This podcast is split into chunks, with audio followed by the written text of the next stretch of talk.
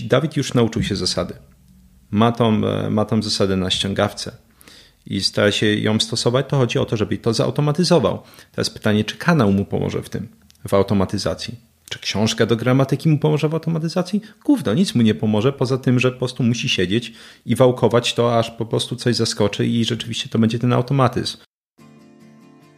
Cześć, ja nazywam się Dawid Straszak i mam przyjemność gościć Was w 30. odcinku podcastu Charyzmatyczny, który powstaje po to, by udowodnić, że charyzmy można się nauczyć, ponieważ mitem jest to, że trzeba się z nią urodzić. A ten odcinek jest wyjątkowy, ponieważ występują w nim trzy osoby. Bartek Czekała, ekspert technik pamięciowych i poliglota, który zna biegle 8 języków obcych. Bartek już występował dwukrotnie w tym podcaście, w dwóch odcinkach, w których opowiadał o tym, jak uczyć się języków obcych i jak uczyć się efektywnie. Gościnnym gospodarzem jest Michał Kowalczyk z podcastu Wysokowydajni oraz ja. Jako króliczek doświadczalny misji, w której postanowiliśmy z Bartkiem sprawdzić, czy w ciągu 6 miesięcy, korzystając z jego metod, można się nauczyć języka niemieckiego od zera do poziomu B1.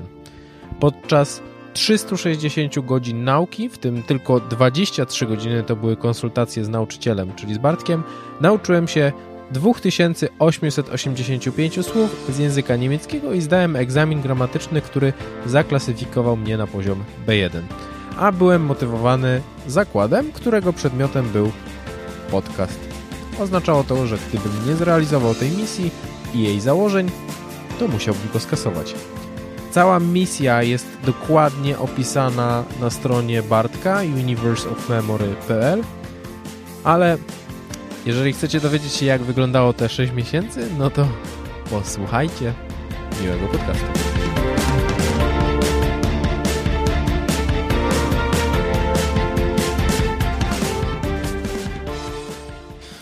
Cześć moi drodzy, witam was jako gościnny prowadzący, podcast charyzmatyczny. Dzień dobry, witam. Dzień dobry, witamy. E, słuchajcie, wy już jesteście po sześciomiesięcznym challenge'u czy sześciomiesięcznym e, wyzwaniu, którym było nauczenie Dawida niemieckiego od zera do poziomu B1 w 6 miesięcy. No ja przede wszystkim chciałem wam bardzo pogratulować pozytywnego ukończenia projektu. No moim zdaniem jest to nie lada wyczyn i, i bardzo imponujące osiągnięcie. Ale myślę, że mimo wszystko cieszycie się, że już te 6 miesięcy dobiegło końca. Dziękuję, cieszę się, że to w końcu ktoś powiedział głośno. Cieszymy się, szczególnie Dawid. Ja, ja, widzę chyba łzy tutaj w oczach. No, teraz w końcu możemy otworzyć szampana na zakończenie tej misji. No ja mówię, że to mm, jakby jest niezłe osiągnięcie z twojej strony, ale też na pewno ze strony Bartka, bo poprowadzić taką inicjatywę na pewno też nie było prosto. Dla mnie, szczerze mówiąc, to było dosyć rutynowe, bo, bo wiele, mam dosyć dużo osób, które jednak uczyły się w szybkim tempie. Wiedziałem, że tak powiem, co robić. Jak dla mnie cała chwała idzie do Dawida, bo z mojej strony to jest tak, ja wiedziałem, ja wiedziałem co robię, spotykamy się raz w tygodniu, e, i potem ja piszę tylko podsumowanie co dwa tygodnie e, tego, co zrobiliśmy. Natomiast Dawid siedział i te dwie godziny dziennie zasuwał, także tak powiem, zdecydowanie więcej, więcej potu, wysiłku i wszystkiego było po stronie Dawida. No można, ja bym to określił w ten sposób, że po prostu Bartek odcinał kupony tej pracy, którą mhm. wykonał już wcześniej, bo mhm. wszystkie badania naukowe, e, sposoby nauki innych, które już zweryfikował, to zrobił to w przeszłości i ja po prostu byłem takim, no taką kolejną próbką. Mhm. Tak, można powiedzieć, pierwsza jest tak ładnie udokumentowaną, tak? bo, mhm. bo wcześniej e, Wcześniej, mimo że jakieś takie wyniki podobne się pojawiały, czy trochę lepsze, czy trochę gorsze, to nigdy to nie było dokumentowane. A o to chodziło, żeby też e, pokazać wszystkim, w jakim tempie to się odbywa i też szczerze mówiąc, e, no te wyzwania e, emocjonalne, może tak psychiczne, te wewnętrzne jakieś mentalne bariery, bo często często wydaje mi się, że jest tak, że jeśli ktoś słyszy o tej szybkiej nauce i że ktoś się nauczył, nie wiem, tam w 3 miesiące, rok, 8 miesięcy, 6 miesięcy, to ma, to ma w głowie, że po prostu, no nie wiem, to była jakaś taka magia, czy tak jak w filmie, że po prostu geniusz siedzi przy tablicy coś tam skrobie i dzieje się magia. A to jest po prostu mnóstwo takich nie, no, małych kryzysów, które trzeba o, tak. zażegnać. Te mentalne wyzwania to jest na pewno bardzo interesująca część tak. projektu i na pewno też Was o to zapytam. E, no ja to podsumowanie Wasze 120-stronnicowe czytałem. I słuchajcie, może właśnie Czyli zaczniemy. jednak ktoś czytał. Czy mam już trzy osoby? Ja, Dawid i Michał. Tak, no myślę, że można to studiować spokojnie parę ładnych tygodni, nie? Można na pewno zrobić z tego fiszki. Można nawet pół roku to studiować. Tak jest. Słuchajcie, dlatego ja jakby chciałbym zacząć od jednego z cytatów z tego właśnie podsumowania, którym wypiszecie taką konkluzję, czy to w zasadzie Bartek że metody nauki języka, których używasz, mają znaczenie nadrzędne, jeśli chodzi o tempo Twoich postępów. Jeśli do tej pory nie uczyłeś się szybko lub miałeś kłopoty z nauką, to nie jest to Twoja wina, lecz błędów, które popełniałeś poprzez nieodpowiedni dobór strategii językowych. No ale tak, w większości szkół językowych, do których można się zapisać, dojście do takiego poziomu B1 trwa dużo dłużej, nie pół roku, tylko na przykład między 2,5 do 3 lat. No ale nie ukrywajmy, że większość ludzi, którzy uczą się w tych szkołach językowych, nawet chodząc dwa razy w tygodniu na zajęcia, oni po prostu nie ćwiczą tego języka na tyle regularnie, jak było to w przypadku Dawida, który ćwiczył dwie godziny dziennie. No i tutaj pojawia się takie moje pytanie, czy Twój sukces z nauką tego języka w 6 miesięcy tak naprawdę nie jest efektem poświęconej w tym czasie szczególnie wysokiej liczby godzin, a nie tej techniki. Co na ten temat mi powiecie? Ja myślę, że da, ja myślę, że Dawid powinien, powinien za, zacząć, e, z, zwłaszcza nawet na to, że Dawid miał wcześniej swoje techniki. E, mhm. I wprawdzie nie uczył się na pewno, z tego co pamiętam, e, dwie godziny dziennie, a uczył się dosyć regularnie angielskiego. I no właśnie, I jak to wyglądało? Wiesz co, wydaje mi się, że tak. Tutaj się po prostu nałożyły dwa czynniki że z jednej strony to była, e, że to były te dwie godziny dziennie, a druga kwestia to to, że metody, które my wykorzystywaliśmy, były skuteczne. Bo tak jak Bartek wspomniał, ja uczyłem się wcześniej i, i myślę, że to jest pieśń, która łączy bardzo dużo osób w Polsce, że każdy uczył, znaczy zdecydowana większość uczyła się bardzo długo angielskiego, niemieckiego, jakby z mizernym skutkiem. I ja oczywiście też byłem ofiarą takiego systemu, w którym uczyłem się bardzo dużo, ale najczęściej to wszystko gdzieś tam umykało i w, zaraz po egzaminie zapominało się, po co tak naprawdę to wszystko było. Czyli Więc... nie jesteś taką osobą, która tylko i wyłącznie uczęszczała na zajęcia. Aktywnie się uczyłeś. Tak, tak, zdecydowanie. Ja pamiętam jakby pierwszy mój szok w momencie, kiedy to kilka lat temu zapytałem Bartka o to, w jaki sposób, e, żeby zweryfikował mój, mój styl nauki. No i on po prostu powiedział, że on głównie opierał się na nauce pasywnej czyli właśnie na czytaniu w, w obcym języku, na słuchaniu słuchanek czy tam podcastów. E, I teraz po prostu widzę, że jeżeli nie męczysz się ucząc, to to jest taki najprostszy indykator tego, czy idziesz w dobrą stronę. Czyli ten wysiłek psychiczny, który, no jakby odczuwasz e, skutki tego wysiłku psychicznego, jeżeli wtedy, mm, jeżeli, jeżeli go odczuwasz, to znaczy, że idziesz w dobrą stronę. A w większości przypadków no, słyszymy rady na zasadzie właśnie poczytaj coś po angielsku, pooglądaj serial po angielsku, e, czy tam po niemiecku. No, tak, mówiąc angielski albo niemiecki, tutaj można wstawić dowolny język, e, hmm. którego się ktoś uczy. E, I to, są, I to są rady, które też mocno nas otaczają, wiesz, z wielu stron. To się słyszy praktycznie od, od większości ludzi. Ja zresztą sam pamiętam o znajomej mojej mamy, która nauczyła się angielskiego słuchając tylko piosenek Beatlesów. Słyszy się takie historie. Tak, hmm. i one są fajne, bo są chwytliwe i co prawda to trochę jak y, tytuły na, z artykułów brukowców. Na, nau, nauczył się niemieckiego hmm. w 6 miesięcy, a nauczyciel go nienawidzą.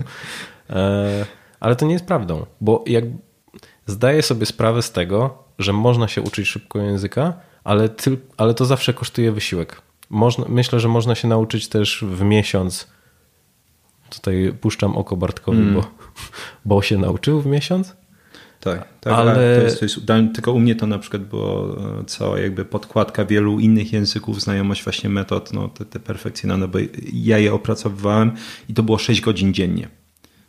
Tak, także możemy zobaczyć, Dawid tak, się no niebagatelna liczba godzin. Także to jest wciąż e, no, 180 godzin e, w ciągu jednego miesiąca, żeby dojść do B2, co ogólnie nie jest dużo, ale ponownie zwłaszcza na wszystkie inne języki, które już znałem przed czeskim, to jakby był taki publiczny mój projekt, jeśli chodzi o czeski, no to wciąż się tego dosyć dużo zebrało. Czyli zdecydowanie tutaj bronicie stanowiska, że technika to podstawa. Absolutnie. Bo to jest mhm. jeszcze nawet takie um, poniekąd odbicie pytania. Na przykład tak, rzeczywiście w szkołach językowych po 2,5 roku czy 3 latach można dojść prawie przy większej ilości czasu do tego poziomu B1, ale teraz jeszcze pozostaje pytanie, czy ludzie rzeczywiście dochodzą do tego poziomu. Bo na przykład moje doświadczenie jest takie. Ja, moim drugim językiem, którego się uczyłem, był właśnie niemiecki. E, I pamiętam, że w momencie, w którym stałem już próbny certyfikat na poziomie B2, to byłem miałem chyba 21 lat, 22 może, byłem taki zadowolony, bo tak myślałem, super, już znam angielski świetnie, teraz już znam niemiecki na tym poziomie B2, jest cudownie. I Akurat po zdaniu to jest, był jak znak od niebios. Wychodzę z Profingua i idę przez rynek i zaczepia mnie banda Niemców. A Niemcy mają to do siebie, oni się nie cackają. Wszędzie do wszystkich po niemiecku. Pamiętam, że raz w Czechach mnie na, na rynku też jakaś babcia zaczepiła i po, po niemiecku się pytała z miejsca, czy mi smakuje, jak coś jadłem. E, więc pytałem się, jaka jest tam restauracja. Proste pytanie. Bardzo, czy coś bym polecił.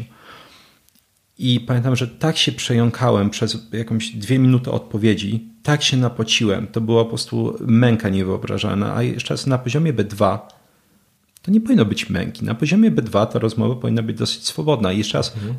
oni dopiero co mnie zakwalifikowali jako poziom B2 po próbnym e, egzaminie e, tego e, certyfikat Deutsch. I mimo tej klasyfikacji, mimo tego, że ja tam 4 lata przesiedziałem i, i się uczyłem, czy na pewno minimum 3, e, ja nie byłem na tym poziomie. Że tak powiem, jeśli chodzi o stricte taki obiektywny poziom, e, nie byłem, na, nie byłem, nie osiągnąłem go i wydaje mi się, że dosyć często tak jest e, z wieloma osobami, bo zwłaszcza, że znaczy na to, że jakby część tego, co, co robi zawodowo, to jest właśnie nauczanie innych. Do mnie przychodzą osoby, które mówią, że wiesz co, uczę się od 5 lat, od 8 lat, 10 lat w ogóle nie jest e, jakąś rzadką liczbą. E, pojawiają się takie liczby i jednocześnie to osoby na pewno przyuczyły się setki, setki, setki już, a jeśli nie może na często tysiące godzin. Pytanie, no właśnie, co jest nie tak? Czemu im się nie, nie udało mimo tego czasu, mimo Mimo tego, że zajęcia w tych szkołach prowadzone są dużo częściej, tak. z większą częstotliwością, powiedzmy dwa, czasem pewnie trzy razy w tygodniu. Tak, tak. A wy podczas projektu zdecydowaliście się do okrojenia tego do tak naprawdę jednych zajęć w tygodniu. I powiedzcie mi, na czym skupialiście się, skoro te zajęcia odbywały się tak rzadko? Co było, co było tematem przewodnim? M mówimy prawdę? Tak. Przez pierwsze 40 minut gadaliśmy o, o pierdołach, o tym, co u nas. Potem nagle orientowałem... że po niemiecku. Nie, po... No po polsku. Po polsku, potem po niemiecku czasami ja jakby zaczynałem od tego, że opowiadaliśmy.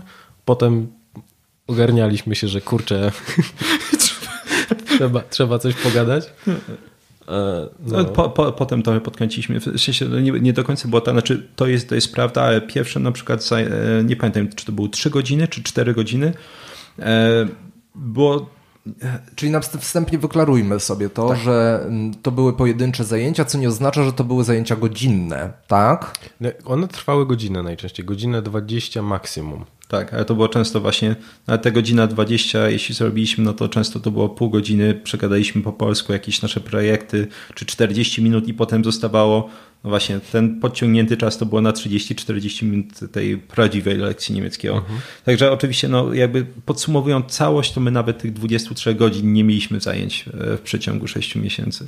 No ale jaka była struktura lekcji? Tak, pierwsze 3-4 zajęcia to, to były rzeczywiście takie, szczególnie 3 godziny, e, dosyć ustrukturyzowane bo Dawid miał zadanie domowe, żeby wejść na ten mój kurs nauczania się języków, czy uczenia się języków, przerobić jakieś moduły i potem e, obgadywaliśmy, czy rozumiesz, jak zastosować metodę, e, czy są jakieś pytania. Ja zadawałem swoje pytanie, żeby zweryfikować, jak optymalnie, jak efektywnie to wdrażał.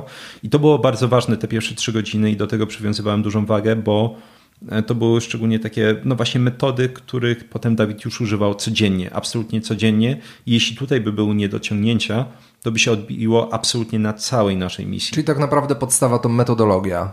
Tak. Tak, okay. że tak naprawdę na początku nie było prawie żadnych, e, żadnego stricte niemieckiego, to była dokładnie metodologia. Bo też nie za bardzo mielibyśmy nad czym pracować, bo ja słownictwa nie znałem jeszcze w tamtym momencie. Więc tak. na samym początku jak się uczyć. Hmm. Tak, i w międzyczasie, ponieważ te, te, te tempo Dawida było e, gdzieś tam początkowo pod 20 słów, 20? 22 na samym początku, potem no. zeszliśmy. No to można sobie policzyć, jeśli na przykład te, na metodologii e, coś, co było konieczne, upłynęły nam 3 tygodnie, no to powiedzmy 20 dni, no to już Dawid miał, powiedzmy tam, zbliżaliśmy się do 500 słów. Czy można pogadać przy tym no, no, rozmowy nie są szalone, ale możemy zacząć. Bo rozmawiać. wiem, że zajęcia, jakby, czy raczej rozmowę, zaczęliście już od drugich zajęć, tak? Czyli bardzo wcześnie. Tak. To... Powiedzcie mi, na ile to jest kluczowe w kontekście właśnie szybkiej nauki języka, żeby wcześniej rozpocząć rozmowę w danym języku? E, to ja może odpowiem tak. z perspektywy ucznia. Jak najbardziej. Bo super kluczowe bo ja bardzo często spotykałem się z, wśród znajomych z opinią, że no, uczyłem się języka, ale się wstydzę w nim mówić. I tutaj odwracamy po prostu cały system. I ja nie wstydzę się mówić, bo ja, znaczy, mówię źle, robię błędy, ale jestem cały czas oswojony. I tutaj też warto wspomnieć o tym, że mm, Bartek jeszcze jako, jako nauczyciel jest y, on nie poprawia w momencie, kiedy. Y, jaka była zasada? Jedno, jedno poprawienie na zdanie? Tak, mniej więcej. Że... I, i, tylko jedno poprawienie błędu na zdanie. Jeśli jest więcej błędów, to poprawiam tylko błąd, który y, utrudnia rozumienie. E, albo jeśli nie ma takiego błędu, to po prostu kolejny taki najważniejszy. Na zasadzie od ogółu do szczegółu. Im, im po prostu... Czyli chodzi o to, żeby nie blokować mówiącego, tak? tak. Żeby on jak najwięcej mówił. Mhm. Tak. I wiesz co, to super z, dla mnie odzwierciedlenie jakości tego, e, jak, jak wielkie ma to znaczenie, żeby motywować ucznia do tego, żeby mówił od samego początku i żeby nie bał się popełniać błędów, jest to, że ja nasze, e, znaczy tą weryfikację ustną po sześciu miesiącach wrzuciłem na YouTube'a i ja się nie wstydzę tego, jak ja tam mówię. W sensie ja sam oglądając widzę błędy i jestem z tym naprawdę ok. Hmm. Bo i teraz od, zadając pytanie na przykład innym osobom, które nie są w stanie nawet porozmawiać po angielsku albo u, po, w jakimkolwiek innym języku, ucząc się go 10 lat, e, to co dopiero sfilmować się i wrzucić do sieci.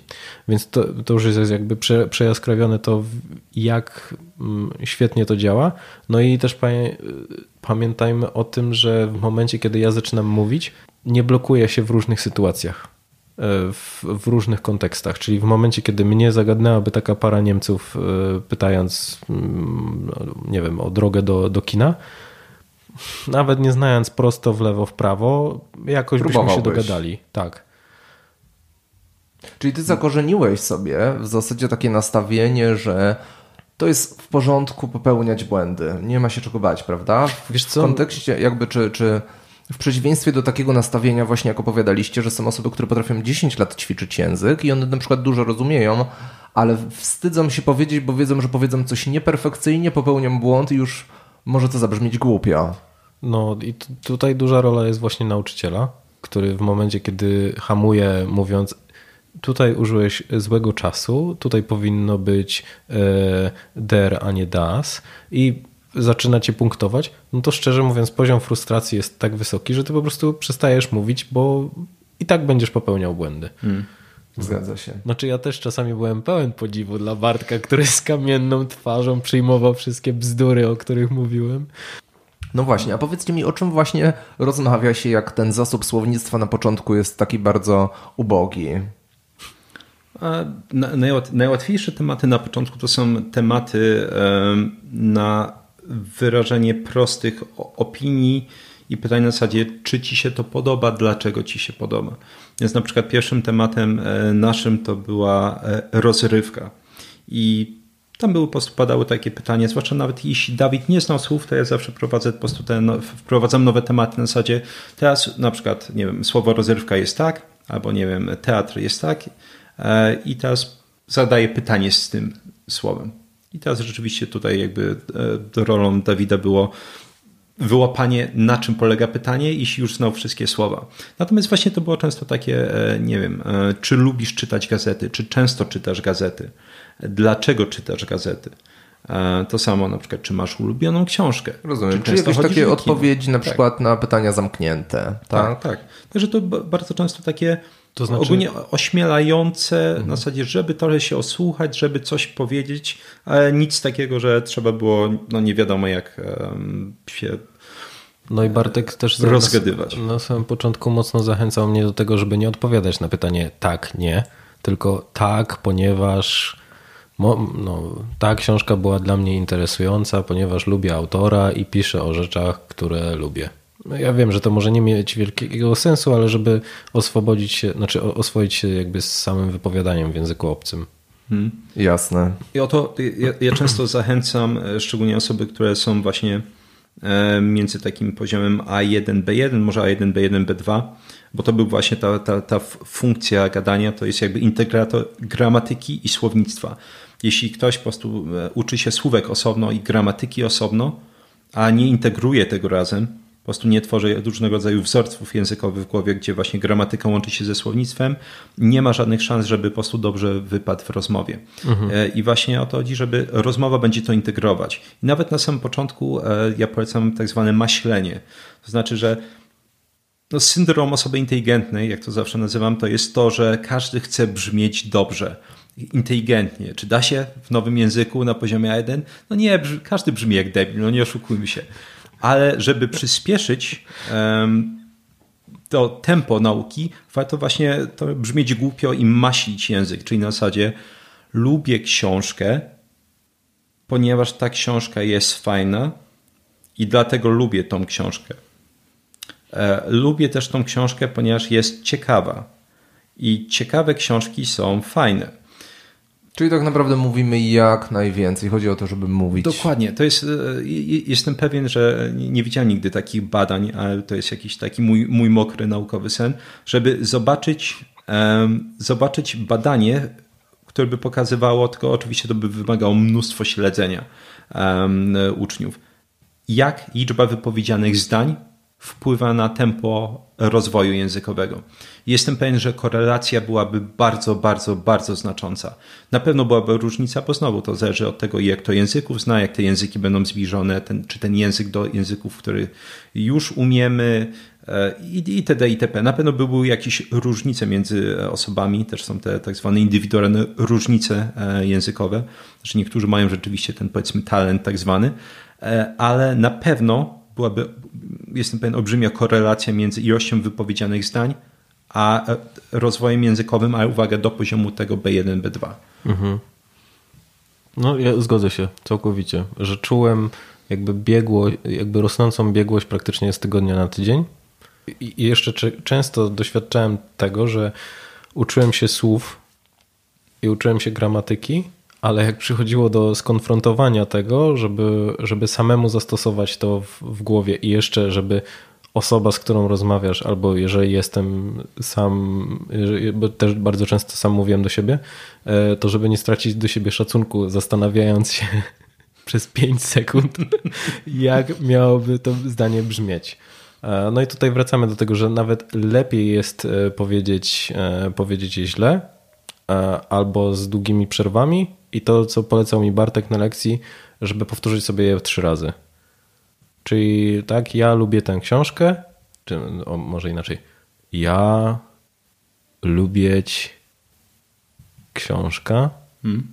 Ja lubię książka. Ja lubię, ja lubię tę książkę. I już jakby za trzecim razem to już jest na tyle płynne, że można powiedzieć, że to już się czuje. Hmm. Rozumiem. Tak, ten to trzeci raz to jest zawsze trochę e, poniekąd już e, imitacja tego native speakera, że właśnie ten pierwszy raz to jest naj, najgorszy, bo trzeba wszystkie te zasady gramatyczne zebrać, słownictwo sobie przypomnieć, stworzyć do tego kontekst i to jest, to jest koszmar dla większości osób. I na zasadzie ten pierwszy raz, na którym ludzie kończą, bo w sensie stworzyli tą wypowiedź i jest ta duma, to nie jest optymalna ilość powtórek. To jest właśnie powinno być takie, nie wiem, jeśli teraz bym po, po, nie, po niemiecku chciał powiedzieć, lubię tą książkę, ponieważ jest interesująca, to na początku to jest ich mag dies, jest das Buch, ich mag dieses Buch, weil, szedł poboczny, dieses Buch interessant ist. Teraz mamy drugi raz, już jest, aha, okej, okay, dobra, teraz powtórzmy to. Ich mag dieses Buch, weil dieses Buch interessant ist. I trzeci raz właśnie zaczyna, już mamy jakąś spójność tutaj. Ich mag dieses Buch, weil dieses Buch interessant ist. I no właśnie. No wydaje mi się, że rzeczywiście, że, że to pierwsze wypowiedzenie tego zdania musi stwarzać bardzo dużą barierę tak naprawdę dla osoby, która uczy się języka, dlatego że właśnie jak nie wiesz jak to powiedzieć, to już mi się wydaje, że tutaj nie wiem, 80% osób uczących się może tak naprawdę łatwo z tego zrezygnować, prawda? Bardzo często rezygnują. Ja zawsze mówię, to jest na, na, najlepszy moment, jeśli trafiłeś na zdanie, które cię pokonuje, w zasadzie nie wiesz z miejsca, jak to zrobić, to jest najlepsze możliwe zdanie do nauki, bo coś w tym jest, może konstrukcja gramatyczna, może nie wiem, trzeba zastosować stronę bierną, może coś innego, ale coś tutaj cię ewidentnie blokuje. I jeśli pokonasz tą barierę, szczególnie powtórz sobie to trzy razy, potem będzie łatwiej. Bo jeśli ktoś zrobi coś, co najczęściej ludzie robią, to znaczy natyka, napotykam się na zdanie, e, którego nie mogę stworzyć, to człowiek się drapie w głowie i omija w inny sposób, który jest już mu znany. Tak. No. A tak naprawdę jest to bodziec po prostu, który informuje nas o tym, czego nam brakuje. Tak. tak? To jest jak czerwona chorągiewka na zasadzie, hej, tu jest coś, nad czym trzeba popracować, ale większość osób po prostu nagle, o, chorągiewka nie, na drugą stronę ulicy. Kończę po polsku. No to tak. słuchajcie, to kontynuujmy jeszcze ten wątek właśnie rozmowy, bo tak jak Bartek tutaj wspomniał, że prawdopodobnie korelacja między ilością wypowiedzianych słów czy zdań, a szybką nauką języka jest bardzo duża. I teraz wy się spotykaliście tylko raz w tygodniu, ty Dawid mówiłeś sam do siebie, mhm. ale czy stwarzałeś sobie jakieś inne konteksty, w których właśnie miałeś okazję mówić po niemiecku? Czy gdzieś się pojawiałeś, mm, gdzie, gdzie mogłeś porozmawiać z takimi osobami mówiącymi w tym języku? Wiesz co, nie. E, w sensie nie pojawiałem się w miejscach, gdzie, gdzie tacy ludzie niemieckojęzyczni miałbym z nimi do czynienia, bo chyba po prostu bym się bał najzwyczajniej w świecie. Że wiem, że mogłoby mnie to zastopować, ale już mówię, z czego to wynika. E, mój współlokator mówi po niemiecku, więc z nim rozmawiałem, więc to było o tyle fajnie. I często w pracy e, zagajałem jakieś pojedyncze zdania, ponieważ e, zespół, z którymi, zespoły, z którymi pracuję, są jakby niemieckojęzyczne. E, próbowałem też rozmawiać z, jednym, z jedną osobą w pracy, ale jakoś no, nie, nie wyszło. Ale dużo też pisałem. Na, to były takie pojedyncze zdania z ludźmi gdzieś w pracy. Mam na myśli tutaj na takich wewnętrznych komunikatorach. Ale to nie mówienie, ale to jakby... Właśnie, czy tutaj, czy to pisanie, czy taka komunikacja no też jakby bezpośrednia z drugim człowiekiem, czy ono tutaj zastępuje w pewnym sensie funkcję mówienia? Na pewno nie zastępuje. Może jakoś tam dopełnić, jeśli ktoś jednocześnie mówi, ale trzeba pamiętać, że mówienie jest czynnością dużo bardziej skomplikowaną. Jeśli piszemy, najczęściej mamy więcej czasu na zastanowienie się, na przemyślenie tego, co ma swoje plusy. I to są na przykład pisanie szczególnie dla mnie ciekawym e, sposobem dalszej nauki od poziomu B2, bo do poziomu B2 to jest automatyzacja podstawowego słownictwa, gramatyki, czy nawet tego średnio zaawansowanego i potem człowiek utyka, bo te wzorce językowe i, i, słownictwo, i gramatyka wystarczy, żeby się ładnie porozumieć. Ale potem człowiek brzmi już w takim zaklętym kółku. Tak? Po prostu w kółko mówi to samo, bo wie, że i tak mu to pomoże w większości sytuacji, ale w momencie, w którym sobie popiszemy i zaczynamy na przykład już bardziej kombinować, że na przykład e, nie popatrzyłem na coś, tylko rzuciłem podejrzliwym okiem na tak, zwyczajnie na pewno byśmy tego w trakcie rozmowy nie zrobili. Czemu? Mhm. Bo chcemy kontrolować tempo wypowiedzi. Nie chcemy kogoś zanudzić, że na zasadzie nie, nie, Michał, poczekaj sekundkę. Chciałbym powiedzieć coś ładniejszego. E, rzuciłem pod... Jak to będzie podejrzliwe? I no, po prostu to jest zażynanie rozmowy. Nikt nie chce tego robić, każdy chce, żeby było miło, fajnie i na pewno jak rozmowa toczy się wartko, to tak właśnie jest i to jakby nie ma wtedy miejsca na zastanawianie się. Natomiast nie zastąpi to mówienie, no bo mówienie to jest między innymi kontrolowanie choćby, e, czy tworzenie pamięci mięśniowej, tak? E, nieważne, czy ktoś stara się mieć jakiś ładny akcent, czy, czy, czy gorszy, zawsze człowiek ma jakiś akcent i trenuje do tego e, te mięśnie. Tak, dodatkowo po prostu jest dużo więcej bodźców. Co wspominałem już kiedyś w rozmowie z Dawidem. Jeśli mówimy, tak, to mamy dodatkowe te kanały sensoryczne. Dźwięk rozchodzi się między innymi po kościach, mamy kinestetykę, słyszymy ten dźwięk, tak, czyli mamy ten um, powiedzmy Czyli ka doświadczamy audio. większej ilości bodźców. Tak, zdecydowanie. Nie mówiąc o tym, że no, często, często nam się wydaje, to, to, szczególnie te rozmowy w głowie, e, wiele osób ma, że jest jakaś sytuacja i sobie mówi w głowie i tam w tej głowie ten akcent jest idealny i to zdanie tak się płynnie stworzyło, a potem otwiera usta i jest takie tak, jak się uczy języka, tak. to znaczy jak ja tego doświadczałem, pomyślałem w głowie hmm? piękny niemiecki, Oj, tak. Hochdeutsch, tak. a w momencie kiedy otwierałem usta, to wszystko po prostu pryskało. I to jest właśnie bardzo popularny błąd, w który mam wrażenie, ja bardzo często wpadałem i nie dość, że ucząc się w ogóle w życiu, czy tam do jakichś egzaminów, czy, czy właśnie języka, wydaje ci się, że to wiesz, bo jesteś w stanie to powiedzieć w, w głowie. A w momencie, kiedy okazuje się, że masz to wypowiedzieć aktywnie, no to zaczyna się problem. Jest to dużo trudniejsze. Mhm. Dobrze, e, to może... Ja, ja jeszcze tak? bym tylko jedną rzecz dorzucił, bo e, wydaje mi się, że Dawid zapomniał o bardzo ważnej rzeczy e, a propos budowania kontekstów, e, bo, bo tego dotyczyło twoje pytanie. Przecież ca, cała nauka słownictwa dotyczyła budowania kontekstów. A w takim sensie. Hmm? Tak. To znaczy, ja też może bardziej skupiałem się na kontekście dotyczącym mowy, tak? A, okay, używania tego aktywnego. Dla, dla mnie jakby nie było to do końca sprecyzowane, tak. bo jakby te, też jakby e, to zapamiętywanie Dawida słownictwa to było stricte za każdym razem, on sam tworzył kontekst do słowa. Znaczy to nie było, że na zasadzie, czy Niemiec by tak powiedział, to było używanie logiki. Jeśli mamy stół, to co można zrobić ze stołem? Można okay. coś mhm. położyć na stole, można usiąść na stole i tak dalej. Więc e, no, można powiedzieć, praktycznie cała jego nauka to było tworzenie kontekstów. Czy to, czy to było właśnie rozmawianie, czy pisanie, czy choćby właśnie e, tworzenie w tym programie do nauki Anki e, zdań Czyli ten proces kreatywny i to, że trzeba samemu wprowadzić te fiszki, na pewno też bardzo stymuluje, tak, przy nauce języków. No właśnie, ja tutaj może poruszę taki wątek, bo ja z kolei uczyłem się przez jakiś czas takiego programu Duolingo i on działa powiedzmy na podobnej zasadzie jak Anki, na zasadzie, że on rzeczywiście optymalizuje te przypomnienia raz na jakiś czas. Ale tutaj no już działa to odrobinę inaczej, dlatego że tam nie wprowadzamy sami fiszek, tylko program sam nam dobiera dane słowa, ale te słowa często, no nie ma co ukrywać, są kompletnie bezużyteczne. Dosyć mocno. No i w związku z tym ja mam takie pytanie, jak, jak wy wybieraliście te słówka do nauki? Bo zakładam, że jeżeli chcemy się nauczyć um, bardzo szybko języka, no to jednak ten wybór słów musi być bardzo przemyślany i czy tutaj jakby była rola Bartka, który sugerował ci, jakie, jakie słownictwo powinieneś wpisywać sobie, czy to była w pełni twoja inwencja twórcza? To znaczy, może Pierwsze tak. słowo, das podcast. Użyteczne.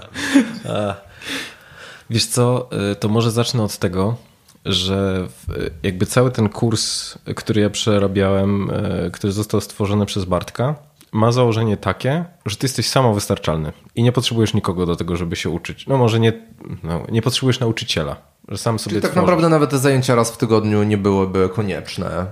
Mm, no, wolałbym nie rezygnować z nich. Nie, znaczy do, e, ja mam, e, bo to też mogę mówić z perspektywy całego mnóstwa tych kursantów z paru dziesięciu krajów, których mam na tym kursie. Większość z nich nie ma absolutnie żadnych zajęć e, i sobie świetnie radzą. Na niedługo będę publikować taki case study takiej Rosjanki Katriny, która nauczyła się fińskiego w, do poziomu B1 w trzy miesiące fińskiego. Ja po, prostu e, tak mi kopara opadła i e, ona sobie to zweryfikowała, bo poszła do szkoły językowej w Moskwie i, i zrobi jej ten placement test.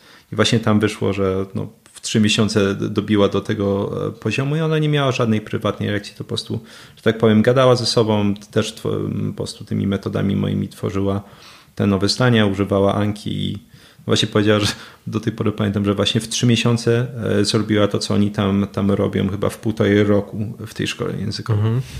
Znaczy nie, nie Ale wracając jeszcze do twojego oryginalnego pytania, do mojego oryginalnego hmm. pytania. Że najważniejsze jest to, żeby wiedzieć, które słowa są nam najbardziej przydatne, a które są najbardziej przydatne? Te, których używamy najczęściej. I jest coś takiego jak frequency list, czyli listy frekwencji, czyli najczęściej pojawiających częstotliwości. No, te jakby listy, na których słowa są pokazywane od najczęściej używanych. No i w ten sposób ja się uczyłem. Po prostu miałem e, talię Anki, w której były, e, były podane takie słowa. No i one były od 1 do 4000. No i moja codzienność polegała na tym, że otwierałem sobie, zapisywałem na kartce od dzisiaj od 1 do 22.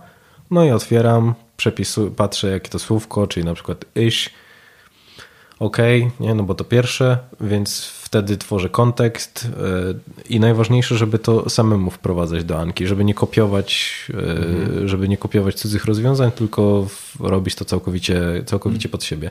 No i w momencie, kiedy mm, jeżeli widzi, ale często zdarzały się słówka, które były tam, ale wiedział, ja też sobie zawsze robiłem taką, takie sprawdzenie, czy znam słówko po angielsku.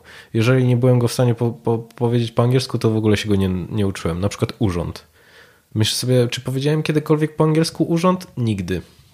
Nie zwracałem No to sobie... na pewno też jest dobry wskaźnik użyteczności danego słowa. Mhm. Tak, żeby sobie nie zaśmiecać pamięci słówkami, których się nie użyje. Bo znaczy Myślę, że później tak, bo w momencie, kiedy pytałem Bartka o, o to, jak się uczyć na poziomie C1 z angielskiego, no to odpowiadał mi w drugą stronę. Bierzesz słownik, otwierasz sobie go i czytasz, patrząc, które słówka ci się wydają takie, które mogą ci się przydać. Hmm. E, no, ale do poziomu, do takich niższych poziomów to, to skupiałbym się głównie na tym, co jest po prostu najbardziej praktyczne. Hmm. I rzeczywiście, co było zaskakujące, w momencie, kiedy. Ja pracuję z ludźmi, którzy, e, którzy są w Niemczech, w Austrii, w Szwajcarii. Oni często piszą maile w, w języku niemieckim. I ja po pewnym czasie już byłem w stanie zrozumieć, myślę, że po 3-4 miesiącach, zrozumieć mniej więcej o co chodzi. Głównie z tego względu, że, że znałem te, te, te słowa, które pojawiają się najczęściej. No a w momencie, tam jeszcze wiadomo, że pojawia się język branżowy, czy tam ubezpieczenie, premia ubezpieczenia i tak dalej. Takie no to... słówka też wpisywałeś? Nie, nie, nie, ale to jakby to, tego się nauczyłem w pracy. Tak.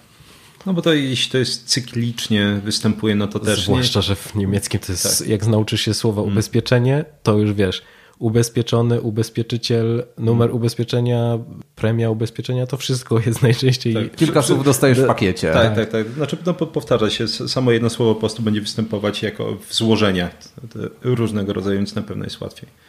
Ale wydaje mi się, że właśnie słowem kluczowym, jeśli chodzi o dobre słownictwo, podsumowując, jest praktyka i tą praktykę można podzielić na dwie rzeczy. Pierwsze, listy częstotliwości dla osób, no właśnie szczególnie między poziomem A1 i B1, a dwa to jest kryterium wyboru osobistego, to znaczy nawet jeśli e, nie ma słowa na liście częstotliwości, ale my uważamy, że to słowo przyda nam się, żeby opisać naszą pracę, zainteresowania, życie osobiste i tak to wtedy takie słowa też powinny znaleźć się jakby w tym programie, czy powiedzmy na tej naszej liście. No bo też o to chodzi, że żeby nie tylko brzmieć jak, jak robot, mieć te słowa z listy częstotliwości, tylko opisać siebie. Także no właśnie, e, dlatego śmieję się z tego Das Podcast, bo rzeczywiście dosyć szybko zaczęliśmy, ponieważ gadaliśmy o zainteresowaniach Dawida.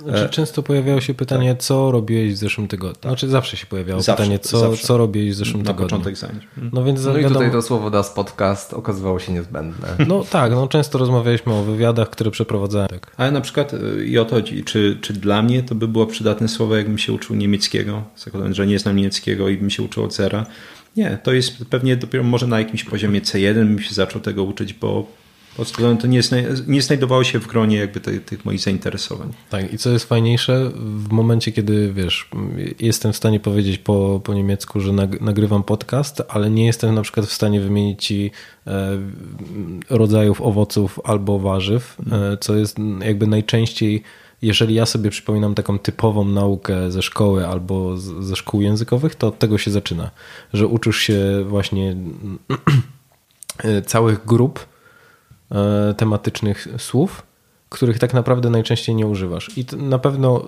myślę, że bardzo dużo osób posługuje się językiem angielskim na dosyć zaawansowanym poziomie i mogą sobie teraz zadać pytanie, jak często mówią o czymś więcej niżeli jabłku i cytrynie z, z, grupy tematycznej, jaką są owoce. Czyli to jest mit, który byście obalili, że, że nie trzeba się uczyć całych grup, tak? Tylko najczęściej Jeżeli nie są ci potrzebne, to... Nie. Nie, nie, bo, bo, bo, bo teraz e, my nigdy nie kodujemy, absolutnie nigdy nie kodujemy jakby słownictwa e, grupami, tylko jakimiś kolokacjami. Tak? Czyli na zasadzie pewnie jeśli by się pojawił, pojawił jakiś owoc w jakiejś kolokacji, nie wiem, z jakimś smoothie czy coś takiego, pewnie, ale jakby to nie jest tak, że weźmiemy sobie listę, nie wiem, owoców i będzie nam się łatwiej zapamiętywać.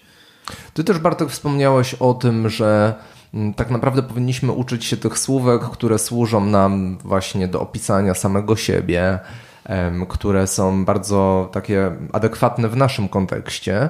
Więc zakładam, że w momencie, kiedy na przykład uczymy się drugiego, trzeciego, czwartego języka, to być może taka lista będzie się powtarzać w danym języku, tak? Czy ty to w ten sposób optymalizujesz? Tak, tak, absolutnie się pojawia. Dlatego też jest łatwiej, jakby tych jakby powodów, dla, dla których jest łatwiej uczyć się kolejnego języka, czy każdego kolejnego jest, jest mnóstwo, ale na pewno też to, że po prostu człowiek, jeśli już się dowiedział, że aha, są listy częstotliwości i też po prostu potrzebuje słownictwa, które pozwala mi się lepiej wyrazić, zwiększyć ten poziom ekspresji, no to człowiek potem już dosyć automatycznie zaczyna w to wchodzić. Dlatego w pewnym momencie, jeśli E, byłyby osoby, które by się uparły, że chce znać, nie wiem, 3, 4, 5 języków i tak dalej, i by przeskakiwały z jednego na kolejny, na, na, pewno, na pewno by znalazł potwierdzenie w, tym, w tych swoich doświadczeniach tego, e, że po prostu, aha, to już taki automat właśnie. Człowiek zamiast myśleć, to jest, to jest ta lista, teraz muszę się tego nauczyć. Powiedział, na pewno nie ma w tym już potem jakiejś przygody, bym to nazwał, inte, intelektualnej, to jest na zasadzie wiem jak to zrobić, wiem czego potrzebuję, wiem ile czasu mniej więcej będzie mnie to kosztować i siedzę i, i robię. nie, nie, ma tego tak, zmęczenia że, decyzyjnego, tak? tak po prostu wiesz co masz robić i wykonujesz to. Absolutnie mhm. nie, tak. Słuchajcie, przechodząc dalej, mm, wiele osób, które u, uczą się języków obcych, przy nauce gromadzą sobie sterty materiałów, byle jak najwięcej. A wy w podsumowaniu tak naprawdę napisaliście, że to jest błąd i że tak naprawdę im więcej materiałów posiadamy, tym do większego paraliżu decyzyjnego to prowadzi. I tak naprawdę może nas oddalać od tego celu, którym jest szybka nauka mhm. języków. Wy mm, korzystaliście w 80% przypadków tak naprawdę z czterech narzędzi. Czy moglibyście powiedzieć, co to były za narzędzia i tak naprawdę jaka była funkcja każdego z nich? Dobra, to wymienię narzędzia, a potem opowiem ciekawą historię, która idealnie podsumowuje, dlaczego im więcej znaczy gorzej. E, my korzystaliśmy, to tak, przede wszystkim mm, głównym narzędziem, które jakby umożliwiło to wszystko był kurs Bartka. Tam jest wszystko krok po kroku opisane, w jaki sposób się uczyć. E, drugie to mm, program do optymalizacji powtórek, w którym praktycznie było wszystko, czyli Anki, one jest darmowe. To chyba, tak jak już rozmawialiśmy wcześniej, na iPhone'a jest płatne, ale da się e, przeglądać przez przeglądarkę i nie płacić. E, w ogóle wszystkie urządzenia, których korzystaliśmy, były darmowe. No i w Anki było wszystko. Było słownictwo, e, było mówienie, była gramatyka, tak Dobra, kolejne narzędzie to jest y, grammar cheat sheet, czyli no, taka ściąga po prostu, na której zapisujesz sobie całą gramatykę i ją po prostu cały czas przy sercu. W momencie, kiedy coś się pisze i waha się, jak coś można by było powiedzieć, no to e, a, znaczy napisać, to wtedy można po prostu spojrzeć, a czas przeszły, robi się w ten sposób, ok, więc teraz już, już wiem. Więc to po prostu są dwie najbardziej wymaglowane kartki, jakie, jakie hmm. miałem. Czyli znowuż słuchajcie, kolejny tool, kolejne narzędzie, które tak naprawdę tworzymy sami. Gdzie tutaj te książki? Tak. Tak, tak, praktycznie tak. I co jeszcze? Na samym końcu, jak już zaczęło się słuchanie, to, to był podcast Slow German. E, z tego względu, że on miał od razu na stronie internetowej um, odcinek w formie audio i. Jak, sam, jak sama nazwa wskazuje, slow, czyli bardzo powoli i dokładnie. E, I od razu było napisane dokładnie transkrypcja krok po kroku, co tam się, co tam się o, czym, o czym była mowa. Mm, no i zaskakujące, jak bardzo może się różnić to, co człowiek słyszy, a czyta na tym poziomie. na pewno. W internecie jest tak naprawdę cała jakaś taka sekcja, która się nazywa, nazywa Misheard Lyrics. O, tak, czyli tak. utwory z alternatywnym tekstem. To jest, to, to też by mogła być świetna rzecz do nauki języków, prawda? prawda, prawda. Przez, poprzez humor. No i co? I ostatnie narzędzie, w sensie one, tak, Google Translate, czyli po prostu zwykła, zwykła rzecz do tłumaczenia. Jeszcze korzystałem też ze strony TatoEba, która pokazuje, tatoeba.org bodajże, która pokazuje mm. od razu kontekst, kontekst, w którym mogłoby być słowo, jeżeli było takie, którego po prostu nie rozumiałem. I jeszcze jedna strona, w której też pokazywało słowo w kontekście, ale nie pamiętam, to też wrzucimy w linkach. No i tyle. Ja, I, znaczy ja za, tylko nawet nie pamiętam, czy ty korzystałeś. Ja zawsze jako takie um, też jedno z głównych narzędzi polecam słowniczek kieszonkowy. Tylko pytanie, czy ty korzystałeś? Nie. ze słowniczka kieszonkowego? Nie, nie korzystałem. Nie, no Kupiłem, nie. ale nigdy nie otworzyłem. Tak. Dla mnie zawsze jakby, jak ja się uczę, to jest podstawą, to jest Anki i słowniczek kieszonkowy. A dlaczego nie Google Translate na przykład? Bo Google Translate jest e, dosyć, jest zbyt szerokim narzędziem. Na przykład jeśli sobie wklepię jakieś słowo i to Google wypluje mi 15 tłumaczeń tego słowa, mhm. mimo że większość z tych tłumaczeń jest w bardzo specyficznych kolokacjach, e, a mi chodzi o precyzję. Tak? Jeśli chwytam czasownik, to chcę wiedzieć, że on znaczy przede to, wszystkim to. albo to. Czyli na przykład mamy tłumaczenie pierwsze, tłumaczenie drugie i jeśli ja potem tworzę sobie z tym zdania, ja nie mam żadnych wątpliwości, że jestem minimum e, na dobrej drodze, albo po prostu już kontekst jest poprawny od samego początku. Bo jeśli na przykład, nie wiem, wklepiemy sobie nawet takie najłatwiejsze jakieś przymiotniki niemieckie, jakieś, nie wiem, toll. Toll będzie to po prostu, nie wiem, jakiś tam świetny, wspaniały.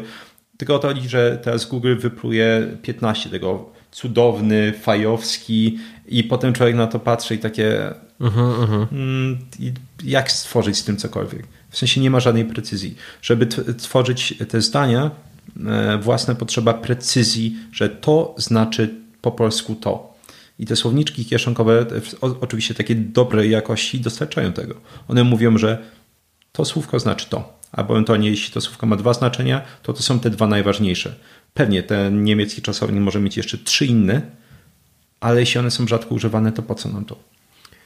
Okej, okay, to ja po prostu stosowałem te dwie strony, które pokazywały słówka w kontekście jako taki zamiennik, ale masz rację. Tylko, że ja postawiłem sobie za cel, że będzie tylko jedna kartka, z której się będę uczył, a reszta będzie w. Bo to też chodziło o moją wygodę, bo w momencie, kiedy gdzieś jechałem, to żebym po prostu y, jedyną rzeczą, którą będę musiał mieć ze sobą, to jest telefon albo laptop. Hmm.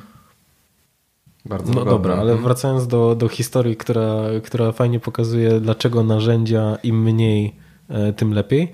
Na samym końcu dużo osób się dowiadywało, że ja się uczę niemieckiego. I ja już byłem na tym etapie, to chyba był taki czwarty, późny czwarty miesiąc misji, gdzie ja już po prostu atak paniki to było, to, to była rzecz, z którą się e, budziłem. E, no i dużo osób dawało mi rady, że po... Mm, podsyłał właśnie jakieś, e, jakieś filmy na YouTubie, z których fajnie by się pouczyć gramatyki. Tutaj, żebym posłuchał sobie seriali, e, tutaj, żebym, żebym obejrzał film, żebym zaczął czytać taką książkę, albo tutaj jest fajna książka z gramatyki. No i to był moment, w którym ja brałem wszystko, co mogłoby mi pomóc, do momentu, kiedy przypominałem sobie tak naprawdę, e, że jeżeli zacząłbym korzystać z tych wszystkich źródeł, to ja po prostu sam bym się w tym wszystkim zaplątał. Bo jeżeli... Czyli też momentami popadałeś w tę pułapkę. Oczywiście, bo jeżeli ktoś ci mówi z pełnym przekonaniem, że to jest super, załóżmy kanał na YouTubie, który idealnie tłumaczy gramatykę niemiecką, no to myślisz sobie, kurde, no przecież tak, no ja jestem jakimś debilem, bo już wałkuję czwarty miesiąc tą gramatykę i cały czas popełniam błędy w tym i w tym miejscu. Mm. Więc może po prostu to będzie ta magiczna pigułka, która, którą połknę i już wtedy będę umiał gramatykę. W sensie nie mówię, że to nie może być jakimś takim dodatkiem, ale ograniczenie do minimum tych, mm, tych źródeł, z których my korzystamy jest, jest Czyli bardzo może w ważne. formie różnorodności albo jakieś rozrywki na przykład, tak? Znaczy, i, to, to, znaczy nie, to, to, to może być, to może być, Dawid się pewnie śmieje, bo to, to po prostu zależy od, od, od czasu. E, Dawid tego czasu nie miał dużo i te... Myślę, że y, mnie, ja się roz, rozśmieszyło mnie to, że dla rozrywki dzisiaj e, kanał o gramatyce kanał na niemieckiej. YouTubie, no. To jest Ty psycholu. dokładnie, no. E, Natomiast właśnie, właśnie tak między innymi e, ludzie torpedują te, te swoje, powiedzmy oczywiście ciężko to zawsze nazwać misją, ale te swoje projekty nauczenia się języka, ponieważ łatwo straci ten fokus. Jeśli ktoś nagle ma, a, o, fajna książka z gramatyki, super, no to zamiast na przykład, wiadomo, że jeśli Dawid już nauczył się zasady, ma tą, e, ma tą zasadę na ściągawce i stara się ją stosować, to chodzi o to, żeby to zautomatyzował. Teraz pytanie, czy kanał mu pomoże w tym, w automatyzacji? Czy książka do gramatyki mu pomoże w automatyzacji? Gówno, nic mu nie pomoże, poza tym, że po prostu musi siedzieć i wałkować to, aż po prostu coś zaskoczy i rzeczywiście to będzie ten automatyzm. Że na przykład jeśli mamy while albo das, no to jest szyk poboczny i ten czasownik ląduje na końcu. Czyli ich denke, das es interessant ist. Oh. Jest ten czasownik na, na końcu. Ale żaden kanał, nic, nic w tym nie pomoże poza to właśnie siedzeniem e, i uczeniem się. Ale łatwo stracić właśnie ten fokus słuchając tego, że a, albo ta aplikacja cudowna, albo to i tamto i nagle człowiek ma te 30 materiałów na kolanach i, i, i jeśli Dawid by, by um, zastosował się do, do, do tych rad, to powiem, powiem tak, końcówka tej misji wyglądałaby inaczej. Tak, ale muszę przyznać, że raz y, dałem się porwać i zacząłem oglądać serial po niemiecku. No i muszę przyznać, że nauczyłem się jednego słowa. Runte. Mhm. Y, no i tyle. Tylko dlatego, że ono było powtórzone. Nie wiem, czy to. na- Te, teraz nawet nie jestem w stanie. To jest takie padnij, czy na dół? E, może może, Bo może to- inny, drugi, zależy od kontekstu. Zależy To jest właśnie kontekstu. ten element rozrywki. I właśnie, i chodzi o to, że t- ja zapamiętałem to słowo tylko z tego względu, że w kluczo...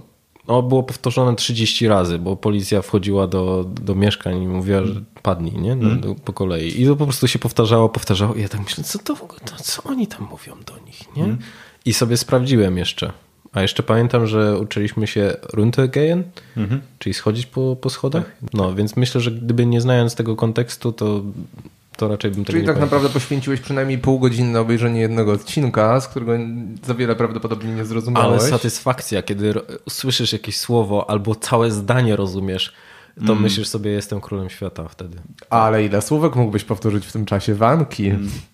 Znaczy no tak, to jest, to jest właśnie, właśnie mniej więcej, gdzie jest ta równowaga między efektywnością a no, jeszcze tam- jakąśkolwiek przyjemnością Tak, tak, tak. z tak. procesu. No to tej przyjemności nie było.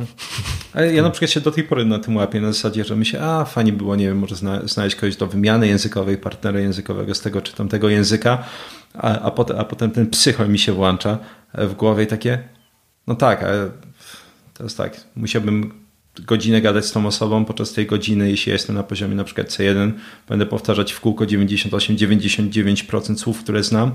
Znaczy, że tak naprawdę zmarnuję godzinę tylko po to, żeby z kimś pogadać i powtórzyć może parę słówek nowych, czyli hej, nie, nie bez sensu. Ludzie są niepotrzebni. Spędzę godzinę na wypisywaniu nowych słów ze słownika. Głuk! Mm. No niestety, niestety. No właśnie. Dobrze, moi drodzy, bo my tak naprawdę porozmawialiśmy sobie póki co o mm, słownictwie, porozmawialiśmy o gramatyce, ale jeszcze jest właśnie ten ważny element, jakim jest rozumienie ze słuchu. Okazuje tak? się, że nie jest tak ważny. Ale chyba jednak trochę ważny jest. E, No i ja w raporcie mm, znalazłem taką informację, że słuchanie okazało się naj, najgorszą w pewnym sensie kompetencją językową Dawida. Tak. I zastanawiam się, z czego to wynika i czy to tak naprawdę jest norma też wśród em, innych osób uczących się języków obcych, że rzeczywiście to słuchanie wypada najgorzej. E, Najczęściej tak, chociaż znowu nie, nie ma, jeśli chodzi o języki, prawie nigdy nie ma e, jednoznacznych, czy rzadko kiedy są jednoznaczne odpowiedzi. Teraz e, pytanie, czy zawsze tak jest? Nie, bo to będzie zależało od tego, znowu, kto zna jakie języki, jak ten język, którego się uczy, jest podobny do języków, które już zna i jak dobrze jest osłuchany z tych innych języków. Mhm. Tak więc w, w, momencie, w którym możemy sobie łatwo wyobrazić, ok, jeśli niemiecki jest, należy do rodziny języków germańskich, tak jak angielski, ale powiedzmy, no nie są specjalnie zbliżone brzmieniowo, ale co by było, jeśli ktoś zna angielski i holenderski i zaczyna osłuchiwać się z niemieckim? E, po nauczeniu się na przykład tego, tej ilości słów, którą który nauczył się Dawid, to zrozumienie przyszłoby dosyć szybko. Holenderski jest w miarę zbliżony. Co jeśli ktoś zna hiszpański dobrze i uczy się portugalskiego? No to to już w ogóle no, osłuchiwanie jest obcięte pewnie o 70%. Ja to miałem to samo jak uczyłem się czeskiego.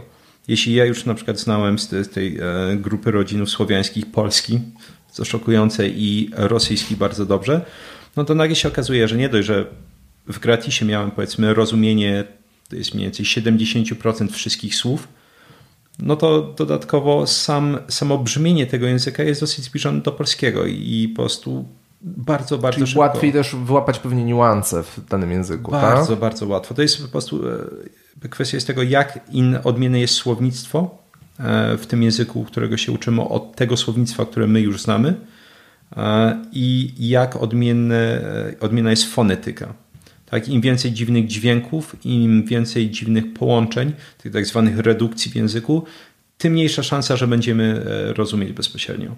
Natomiast zakładając, żeby uprościć przykład, że mamy osobę, która jeszcze nie zna języka obcego i uczy się kolejnego języka, przepraszam, uczy się pierwszego języka, e, wtedy tak, no te, te rozumienie przychodzi na, najpóźniej, bo najpierw trzeba jakby oswoić się z tymi wszystkimi obco brzmiącymi e, dźwiękami, ale potem przychodzi coś innego, kiedy pojawi się zrozumienie. Zrozumienie pojawi się, kiedy będziemy e, rozumieć klastry słów, czyli jak słowa się ze sobą łączą, jak one są w wzajemnych relacjach.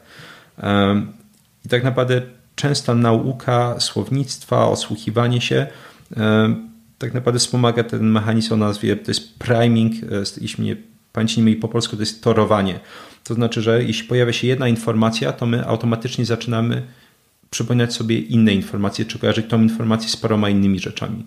E, jeśli wystarczająco długo będziemy słuchać i, i, się uczyć, no to jeśli usłyszymy słowo jabłko, no to na przykład będzie, aha, okej, okay, na przykład w tym języku najczęściej słowo jabłko występuje e, z tym, tym, tym i innym słowem, i tak działa nasz mózg. Jeśli tylko usłyszymy to jedno słowo, to automatycznie on jakby dokonuje błyskawicznej komputacji, jakie jest prawdopodobieństwo, że to na przykład to jabłko będzie połączone z tym, tym, tym, tym albo słowem. Oczywiście to się e, na poziomie podświadomym dokonuje, ale tak to działa. Tylko jeśli nie mamy dużo, dużego słownictwa, jeśli nie znamy wiele tych kolokacji, to pytanie, co my możemy wyłapać. To torowanie jest na zupełnie zerowym poziomie. Czyli coś tam usłyszymy i nagle jest no tak, a z czym to słowo się łączy? Hmm. Prawda?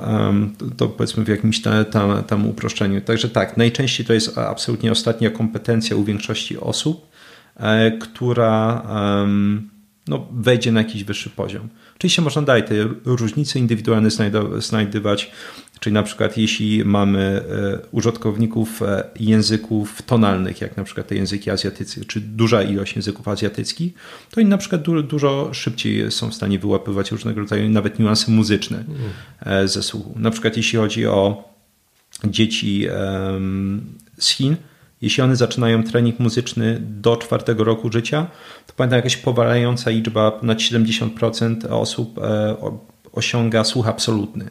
Gdzie na przykład w Europie ten odsetek wynosi chyba 20, nie, chyba nie, nawet paręnaście procent. W sensie dosłownie pięć Ogromna razy. Ogromna różnica. Tak. E, dla osób, które nie wiedzą, jakby w języku chińskim e, każde słowo może zostać wymówione z czteroma różnymi tonami.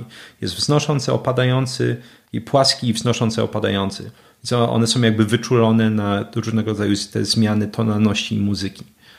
Także to może mieć na, na, nawet wpływ. Nawet samo to, że ktoś miał trening muzyczny w dzieciństwie, już sprawi, że najczęściej przynajmniej szanse są olbrzymie, że, że będzie odrobinę lepiej, lepiej rozumiał. Dokładnie. Mhm. A Więc tobie... jest mnóstwo tych wypadkowych, trzeba, trzeba pamiętać. Ale ogólnie podsumowując, ciężko. Na pewno e, u większości osób to będzie się wlekła ta umiejętność e, z tyłu troszeczkę. Długie, długie lata. Tak. Mhm.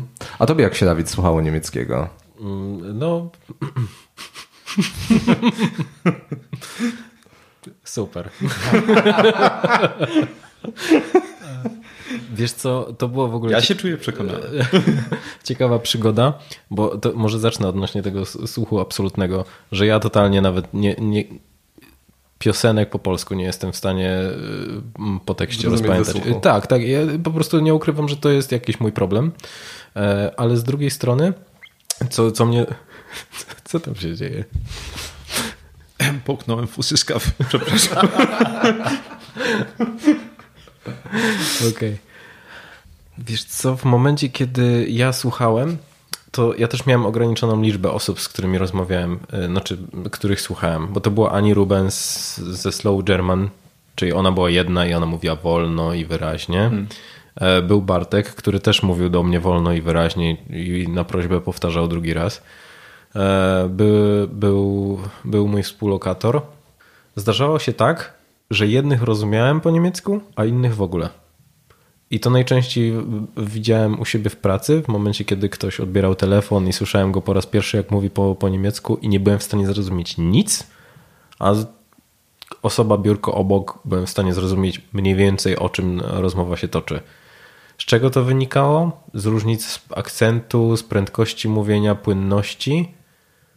Właśnie to jest też ciekawe, bo niemiecki chyba jest też takim językiem jak angielski, że tam mm, w tych krajach niemieckojęzycznych, w zależności pewnie albo od powiatu, albo od landu, ten akcent bardzo się różni. Nie tak jak w polskim, gdzie my mamy tak naprawdę ten akcent w miarę zunifikowany, tylko no, te różnice między danymi miastami mogą być ogromne, prawda? Oj tak, to jest ogólnie specyfika tych wszystkich języków, e, czy praktycznie wszystkich języków germańskich, e, że człowiek przesuwa się w dowolnym z tych krajów, które posługują się tymi językami 20 kilometrów i już trafia na inny dialekt. E, Nawet w takich, e, ponieważ nauczam szwedzkiego, to mam, mam jakieś doświadczenie, nawet w takim stosunkowo małym kraju, też jeśli chodzi o ludność jak, jak Szwecja, em, dosłownie no, przesunięcie się 15 km może sprawić, że trafiamy na inny akcent zupełnie. Ale Sam, samych tych dialektów szwedzkich jest, jest paręnaście głównych, głównych, a potem tych wszystkich mieszanek jest. Uh. E, Także w Niemczech jest dokładnie to samo. E, ja- do tej pory na przykład mam z angielskiego e, w tych wszystkich latach no to w sumie już nie, nie jestem pewien, kiedy ostatnio trafiłem na jakiś akcent, którego nie rozumiem, ale na przykład jeśli chodzi o niemieckie, mimo tego poziomu C2, do tej pory mi się zdarzają jakieś e, Niemcy ze szczególnie ciężkim takim akcentem i e, nawet nie jestem w stanie palcem wskazać skąd oni są, jakby się w tym em, zupełnie nie specjalizuję i nie mam rozeznania, po prostu mam kłopot. Po prostu to jest często... szczególnie problematyczny jest Swiss German. Nie, nie, bym po, po, po- powiedział, ak- akurat dosyć dużo lekarzy tam wy- wysyłałem i no i był ucząc z podkreśleniem, że ja ich uczę Hochdeutsche, a oni się potem zetkną właśnie z tym Swiss German, ale e, wtedy się zainteresowałem tym i trochę tego posłuchałem i brzmi trochę śmiesznie. E, Jest oczywiście e, różnice dialektowe, ale nie jest tak ciężki jak dużo takich regionalnych niemieckich akcentów. One naprawdę są przyciężkie i Czyli bywa gorzej. tak, bywa gorzej. Nawet, nawet widziałem kiedyś jakiś filmik, że jakiś Niemiec pokazywał te ciekawsze dialekty regionalne. Ja pamiętam, że siedzę, słucham tego filmiku i wydaje mi się, no 70% tych akcentów nie mam pojęcia, co mówili ci Niemcy. A, on, facet, ten Niemiec kończy ten filmik i takie, podobało wam się? I co, dużo co rozumieliście? Ja szczerze mówiąc nie zrozumiałem większości z nich. I to on to był taki młody Niemiec, który właśnie posługuje się Hochdeutsche. Mówi, że nawet dla mnie te di- dialekty są takie ciężkie, e, że duża część z nich jest dla mnie niezrozumiała, bo przynajmniej mniej więcej rozumiem o co w tym chodzi. Także może być aż tak ciężko. Znaczy, no może ja bym sobie tak nie usprawiedliwiał tego, e, dlaczego ja nie rozumiałem właśnie różnicami e, regionalnymi. Po prostu e, sposób wymowy i poszczególnych osób już wpływał na to, że ja nie wszystko rozumiałem. I to też doprowadzało do takich śmiesznych sytuacji, że w momencie, kiedy ja byłem na rozmowie kwalifikacyjnej, To też sprawdzaliśmy o, o kandydatem język niemiecki. Oczywiście nie ja go weryfikowałem. To jeszcze nie był ten etap. Ale ty sobie chętnie posłuchałeś. Oczywiście. I e, wyglądało to w ten sposób, że my prowadziliśmy weryfikację i z języka niemieckiego i angielskiego. No i w, w momencie, kiedy padały najpierw e, pytania w języku niemieckim, e, to czasami zdarzało się, e, zdarzało się tak, że rozumiałem, o co, jakie były pytania i jakie były odpowiedzi, a czasami nie. I potem jak przechodziliśmy na angielski, to zadawałem pytania o to samo. No, więc kandydat okay. był wybity. nie, nie wiedział, co się dzieje. Dobrze, moi drodzy, to może porozmawiajmy sobie teraz troszeczkę o tym aspekcie mentalnym całego projektu, który też myślę, że jest e, w tym kontekście wyjątkowo ciekawy. Z tego co wiem, podczas całego półrocznego okresu nauki zrobiłeś sobie tylko i wyłącznie 5 dni przerwy. I powiedz mi, czy podczas tych pięciu dni korzystałeś z nich i raczej to było dla ciebie coś, e, do czego podchodziłeś w ten sposób, że no dobra, przecież przez całe pół roku ciężko pracuję, to te pięć dni mogę sobie odpocząć, czy raczej miałeś poczucie winy? Nie, ani to, ani to. Dawid, nie przyznałeś się, że zamknęli w psychiatryku na pięć dni. Wiesz co, ani to, ani to tak naprawdę, okay. bo e, to po prostu wynikało z e, takich czysto zewnętrznych przyczyn. Jedna, dwa dni odpuściłem, bo pamiętam, że nagrywałem podcasty i no to najczęściej po pracy, czyli od 16 przygotowywałem się, zaczynaliśmy nagrywać, a akurat zdarzali się tacy goście, z którymi po prostu siedziałem do północy. I tyle. Więc po prostu nie miałem fizycznie możliwości do powtórzenia tam jeszcze czegoś. A trzy dni po prostu byłem w Jordanii, gdzie nie, nie spodziewałem się, że nie będzie internetu. No. To zaskoczenie. To życie no. zaskoczyło. Tak. No, w sensie nie myślałem, no, nie myślałem, że aż tak nie będzie. O. No i to mi i tylko tyle. Więc tutaj odpowiedź była bardzo prosta. Tutaj słuchacze podcastu prawdopodobnie zdają sobie sprawę z tego, że ty założyłeś się o podcast tak? Czyli miałeś ukończyć ten poziom B1, bo inaczej podcast leci do kosza, tak? No. Kasujemy wszystkie odcinki, był podcast, nie ma. No i tak naprawdę w tych chwilach kryzysu piszesz, że czułeś ten przełykany wstyd i poczucie winy za każdym razem, kiedy ktoś pyta cię o nowy odcinek. Kiedy mówiłeś gościom podcastu, że musiałeś go skasować, bo się założyłeś. Powiedz mi, na ile właśnie tam negatywna motywacja była dla ciebie kluczowa, jeśli chodzi o, o te chwile kryzysu i w ogóle o cały proces? Mhm. Znaczy, wiesz co, te, te, te cytaty to już były na samym końcu, kiedy ja sobie uświadomiłem, jak głupie było to zakładanie się o podcast z takiej czysto biznesowej perspektywy, że to nie tylko dotknie mnie, ale też ludzi, którzy poświęcili czas na to, żeby, żeby udzielić wywiadu. I wtedy Jasne. dopiero, wiesz, zaczęło mnie to e, no jakby bodźcować do, do studium szaleństwa. Tak. Ale wiesz co, jaką rolę tak odgrywa taka motywacja negatywna zewnętrzna? Jest ekstra.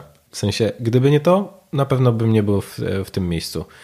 E, myślę, że jeżeli moglibyśmy coś zmienić, to, to ja bym podzielił te, ten okres na krótsze zakłady, żeby mieć takie małe zwycięstwa w trakcie. Że, bo my założyliśmy się, że kasuje, jeżeli nie, nie zrealizuje tej misji i rozwiązanie było w, no, po pół roku.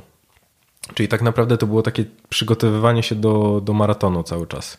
E, więc mm, z jednej strony my cały czas wiedzieliśmy, czy utrzymując dane tempo, mm, dojdziemy do tego wyniku. Tu tylko na samym końcu było takie, że no dobra, to teraz musimy przyspieszyć tak, żeby być w 100% pewni ale niemniej jednak pamiętaj o tym, że my co tydzień się spotykaliśmy i co tydzień jakby Bartek sprawdzał. Ja też wysyłałem mu listy powtórzonych słów, które też publikowaliśmy na stronie. E, on, Bartek ze mną rozmawiał, więc jakby mierzył ten poziom zaawansowania w języku e, i tym samym też gramatykę mógł sprawdzać. Więc my wiedzieliśmy na czym stoimy, ale szalenie potrzebne mi było to w takich momentach kryzysowych e, na samym początku i miałem dwa takie momenty, w których rzeczywiście jakbym, że gdyby nie ten zakład, to na pewno bym odpuścił i e, z pewnością bym się wycofał. To mm, może źle powiedziałem, na samym początku nie, bo na samym początku to było takie ha, ha, ha, uczę się nowego języka, jestem taki fajny, nowe jeszcze, metody. Jeszcze ekscytacja, wszyscy gratulują, że a, taki fajny pomysł. Tak, wow. Mm. No, a potem chyba, ale to też się złożył w połowie roku, znaczy na przełomie nowego roku, czyli to było w połowie misji tak naprawdę. No to pierwszy był taki Pierwsze było załamanie i wtedy rzeczywiście ten, to poczucie tego, że, że podcast może zostać usunięty, e, no, dało mi się we znaki. No i to ja też e, sam zaskoczyłem się, do czego jestem zdolny, bo pamiętam taką jedną bardzo przerażającą historię, że mm, do dziś dnia nie wiem, co tak naprawdę się wydarzyło, czy, czy złapałem jakiegoś wirusa, czy czymś się zatrułem, ale byłem ze znajomymi e, w knajpie. Wróciłem do domu z taką myślą, że jeszcze muszę się, muszę się douczyć. E, I jak tylko minąłem próg, e, to zacząłem się trząść. Nie wiem, dostałem jakby takiej gorączki połączonej z takimi silnymi dreszczami, ale niemiecki trzeba powtórzyć. Więc wyobraźcie sobie mnie, po prostu siedzącego w, w kocu, spływającego potem, który cały czas klepie, bo te słówka trzeba, trzeba przejść. I gdzieś tam poświęciłem jeszcze, to jeszcze tylko końcówka była do, do, do nadrobienia, więc to było jakieś pół godziny. E, no i, i nawet w takich drastycznych sytuacjach e, no ja to wykonywałem i wiem, że gdyby nie, nie ten zakład, to też bym do takich granic siebie nie, nie, nie doprowadzał. No na pewno wymagało to od ciebie bardzo wielu poświęceń i z tego co wiem takich dramatycznych sytuacji było jeszcze kilka. Między innymi dwa razy na imprezach zamykałeś się w toalecie po to, żeby powtórzyć słówka. tak, to mój, to mój ulubiony Opowiesz numer. nam coś? Tak, jedna, jedna sytuacja była w momencie, kiedy byłem na imprezie pracowniczej i wyobrażacie sobie Dawid, co ty tam robisz? Nie, nie, powiem, wstydzę się. Nie, no właśnie o to chodzi, żeby nie robić to w ten sposób, żeby ludzie się zorientowali. Chodziło o to, że jechałem taksówką i byłem święcie przekonany, że w drodze taksówką będę mógł skończyć te ostatnie kilkadziesiąt słów. No ale niestety no, zdaliśmy się w rozmowę z, z kierowcą, więc okej. Okay. No już na miejscu po prostu było tak, że no kurczę, no to nie ma innej opcji. Trzeba chodzić do toalety i się zamykać w, w kabinie, żeby, żeby nikt na to nie zwrócił uwagi, uwagi. A drugi raz tutaj, w momencie, kiedy organizowałem jakąś imprezę dla, dla znajomych w studiu.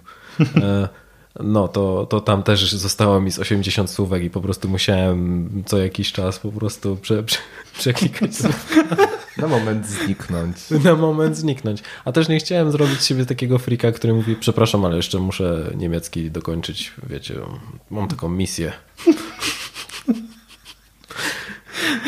Dawid, Dawid, napij się, głupoty już gadasz. Ale siła woli w momencie, kiedy już gdzieś tam piło się alkohol, żeby mimo wszystko nie robić tego tak byleby przeklikać, to, to jest mm. dopiero wielki sprawdzian. Mm. Teraz uczestnicy imprezy znają już całą prawdę. Mm. No, Myślę, że oni jak, się nawet jak, nie zorientowali. No. Jak, jak Dawid gdzieś znika, to na pewno Anki no. robi. Dobrze, słuchajcie. Liczba załamań nerwowych 4, liczba przepłaconych nocy 30. Tak. No domyślam się, że, że naprawdę było bardzo ciężko. Jak, jak w takich sytuacjach sobie radziłeś? No nie radziłem sobie, dlatego, dlatego, dlatego płakałem. Nie, wiesz co, tak naprawdę z tymi przepłakanymi nocami to, to, to był żart, ale z tymi załamaniami y, to też były sytuacje, w których... Mm, on jakby sama misja była też y, taką kwintesencją i wypadkową, że wtedy bardzo dużo działo się nowych rzeczy, ja też zmieniałem pracę w międzyczasie, więc często było tak, że to nie był jedyny powód. E, dla mnie też bardzo dużym wsparciem był Bartek, bo był pierwszą osobą, do której zwracałem się po słowa otuchy e, w takich sytuacjach. I najczęściej wystarczało to, żeby mnie upewnił w tym, że jesteśmy na dobrej drodze, że, że nie ma problemu, albo że innym idzie gorzej, a wtedy sobie myślałem, okej, okay, no to... No, ale pamiętam, że największym takim, największą trudnością to pojawiło się na samym końcu. W momencie, kiedy już byliśmy w tym ostatnim miesiącu misji, bo tam jeszcze pojawiały się nowe elementy dotyczące tego, żeby, żeby sprawdzać tam, e, dokonywać tej weryfikacji gramatycznej. E, I wtedy ja po prostu byłem bombardowany. No, jeszcze chciałem dorzucić jak najwięcej słówek, których nie, które mogłyby się pojawić, więc tego presja zaczęła być bardzo duża.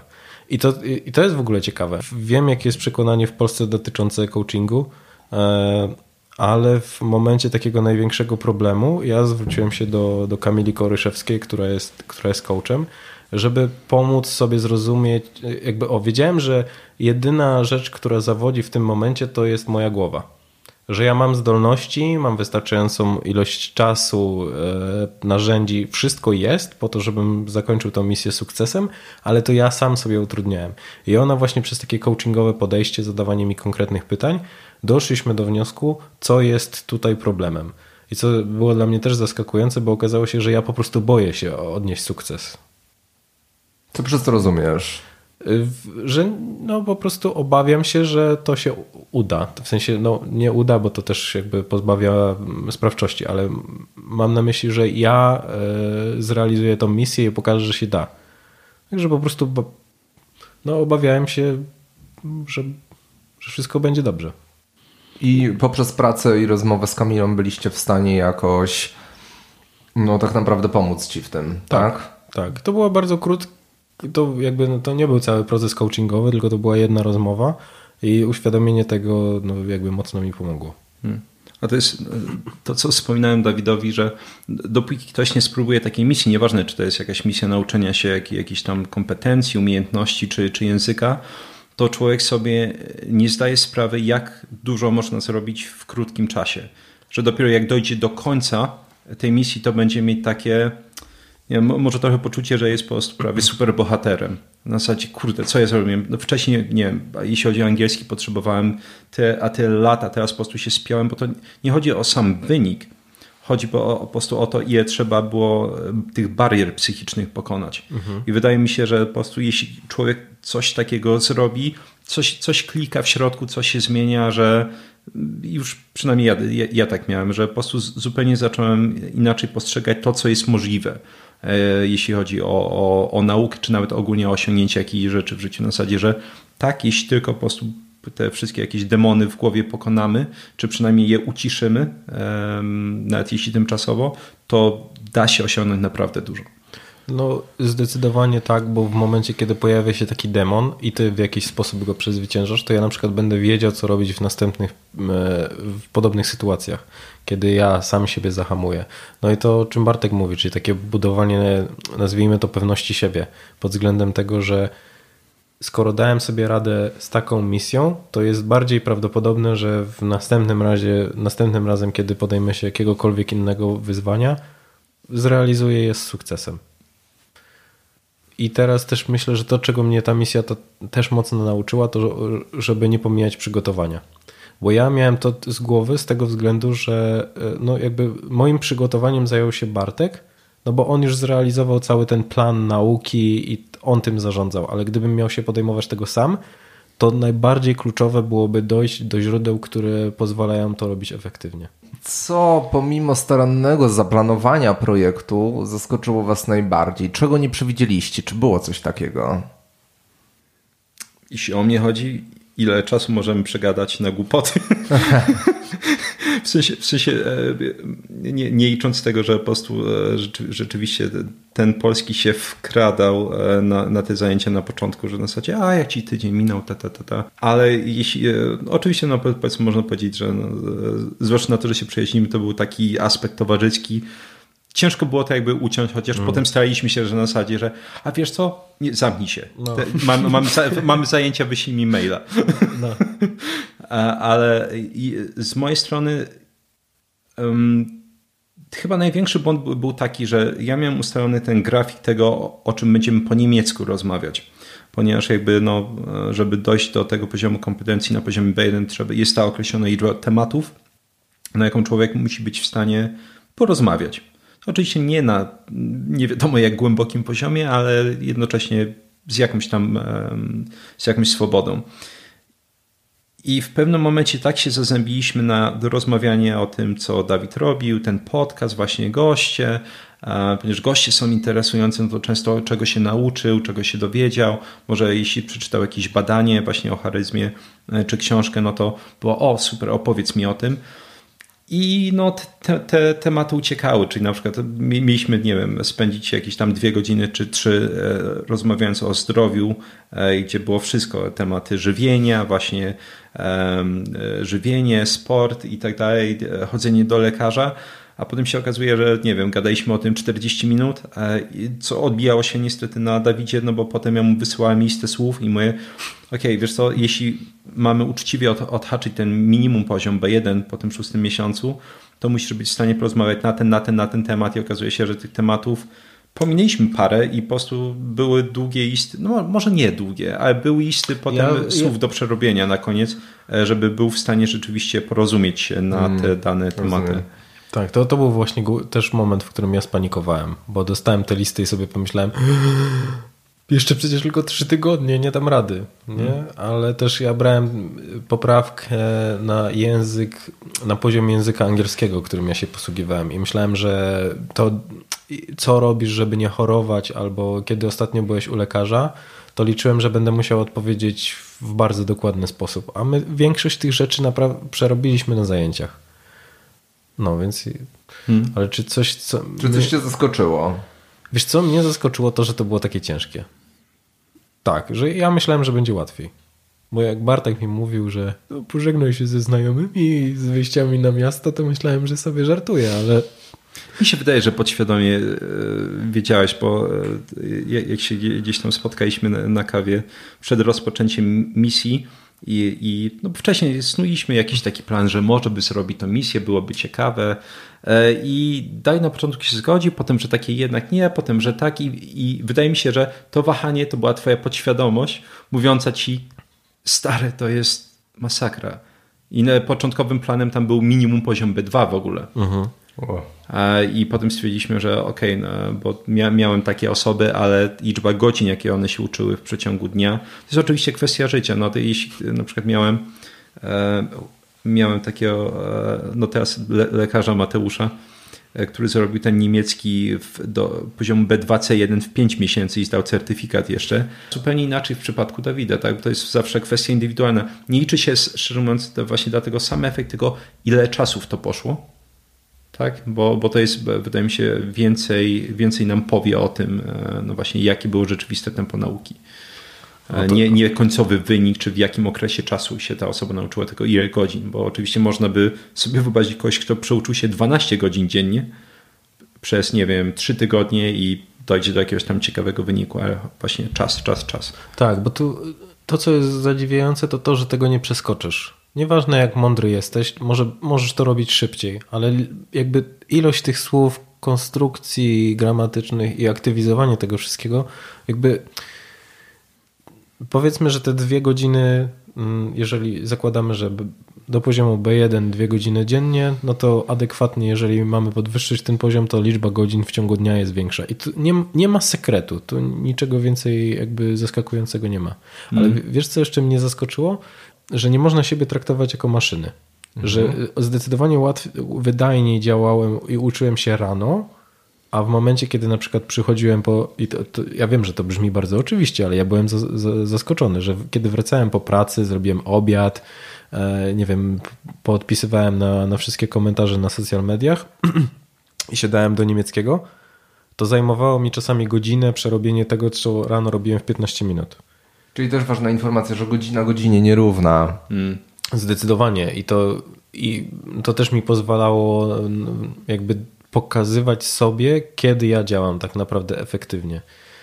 Dobrze, a czy jest coś takiego, co gdybyście mieli zaczynać projekt od początku, zmienilibyście?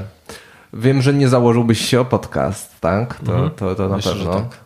Myślę, że tak. Na a pewno byśmy skrócili ja bym chciał skrócić te zakłady nie na 6 miesięcy, tylko na co miesiąc hmm. o coś. Ale niekoniecznie o podcast. Tak, tak. tak. Hmm. Znaczy no, coś równie ważnego, ale na przykład o, o odcinek z tobą. Że ty też, żeby tobie też zależało. To by, to by przyjechał i ci siedział na chacie po prostu przez miesiąc. Ucz się, ucz się. Czy byśmy coś zmienili? Ja tylko wydaje mi się właśnie to, że wydaje mi się, że więcej dyscyplin chciałbym narzucić na, na tych, tych samych zajęciach, że jeśli mamy temat do obgadania, no to ewentualnie, mhm. że po prostu ok, pierwsze 10 minut tych naszych zajęć to jest przegadajmy szybko jakieś ciekawe rzeczy, coś co przeczytaliśmy i tak dalej, a Ze potem, Tak, z stoperem, dokładnie. Mhm. Czasami się tak potem zdarzało, że dosłownie zostały ci dwie minuty, to było przyspieszenie jeszcze tempa wypowiedzi, czy podzielenie się tymi informacjami, ale tak, większa po prostu, większy jakiś rygor w prowadzeniu tych rozmów i ucinanie tego polskiego na początku, ale poza tym, że tak powiem, wydaje mi się, że to robilibyśmy dokładnie to samo. Przynajmniej mhm. z mojej strony na pewno nie, nic by się tu nie zmieniło dodatkowo. Też mi nie przychodzi nic takiego. No i to, to była dosyć, to była bardzo, uważam, bardzo, bardzo uporządkowana um, nauka. Strategicznie w tym, co Dawid miał robić. Bo mimo, że na przykład e, rozumiem, że e, ten horyzont sześciomiesięczny on jest długi, ale to trzeba pamiętać, że no, Dawid też wiedział, ile ma się uczyć słów dziennie. To też po prostu jeśli on wiedział, że na przykład nie wiem, dziennie muszę się nauczyć 20 słówek i nie wiem, jednego dnia zrobił 15, drugiego 17, to wiadomo, że trzeba to nadrobić. To za, tak, za, no, za, zawsze te, ten horyzont czasowy i tak był dzienny w pewnym sensie. Może nie było konsekwencji, ale było wiadomo, że jeśli zaczniemy odchodzić od tego, tak. Um, celu no. dziennego, to tu się zaczyna kłopot. I to mi się też wydaje, że to jest bardzo ważne w kontekście realizacji jakiegokolwiek celu, że tak naprawdę cel, długoterminowy celem, ale my musimy mieć proces, proces, który działa właśnie codziennie, tak? Mhm. Absolutnie, absolutnie. Im krótszy horyzont czasowy, um, tym większa szansa po prostu, że, te, że uda się go zrealizować. Dokładnie tak. Projekt. I pamiętam, że też to, to, co mi mocno pomogło, to to, że my mieliśmy na samym początku 20 słówek dziennie, ja po prostu uczyłem się 22, żeby dawać sobie zawsze ten bufor, żeby samemu jeszcze podwyższyć Prymus. Y, nie, jaki prymus. To chodziło tylko o to, że jak będę miał w końcu jakiś taki dzień, w którym wypadnie wszystko, mm to żebym nie musiał sobie, wiesz, potem dokładać w innych dniach po 5 słówek albo 21, tylko Czyli strategicznie a, przewidywałeś, że taka sytuacja się zdarzy. No wiadomo, przecież to jest pół roku, to nie ma opcji, wiesz, żeby, żeby, no, żeby każdego dnia się uczyć. Mm -hmm. Czyli ta, ten, że tak powiem, limit 20 słówek, to on nie zawierał tego zapasu już w sobie, mm. tak? Nie, nie, nie. To, to, to było wymierzone dokładnie, że tak powiem, co do słówka. Tak, ale i tak jakoś powyżej 300, 300 chyba słówek więcej wyszło niż hmm. zamierzaliśmy. Jeżeli bo, bo też w pewnym momencie spasowaliśmy i zeszliśmy z tym liczbę, liczbą słówek nowych dziennie na 10, gdzieś mhm. tam pod koniec misji, już nawet nie pamiętam gdzie, żeby zwolnić trochę czasu na słuchanie i większą aktywizację.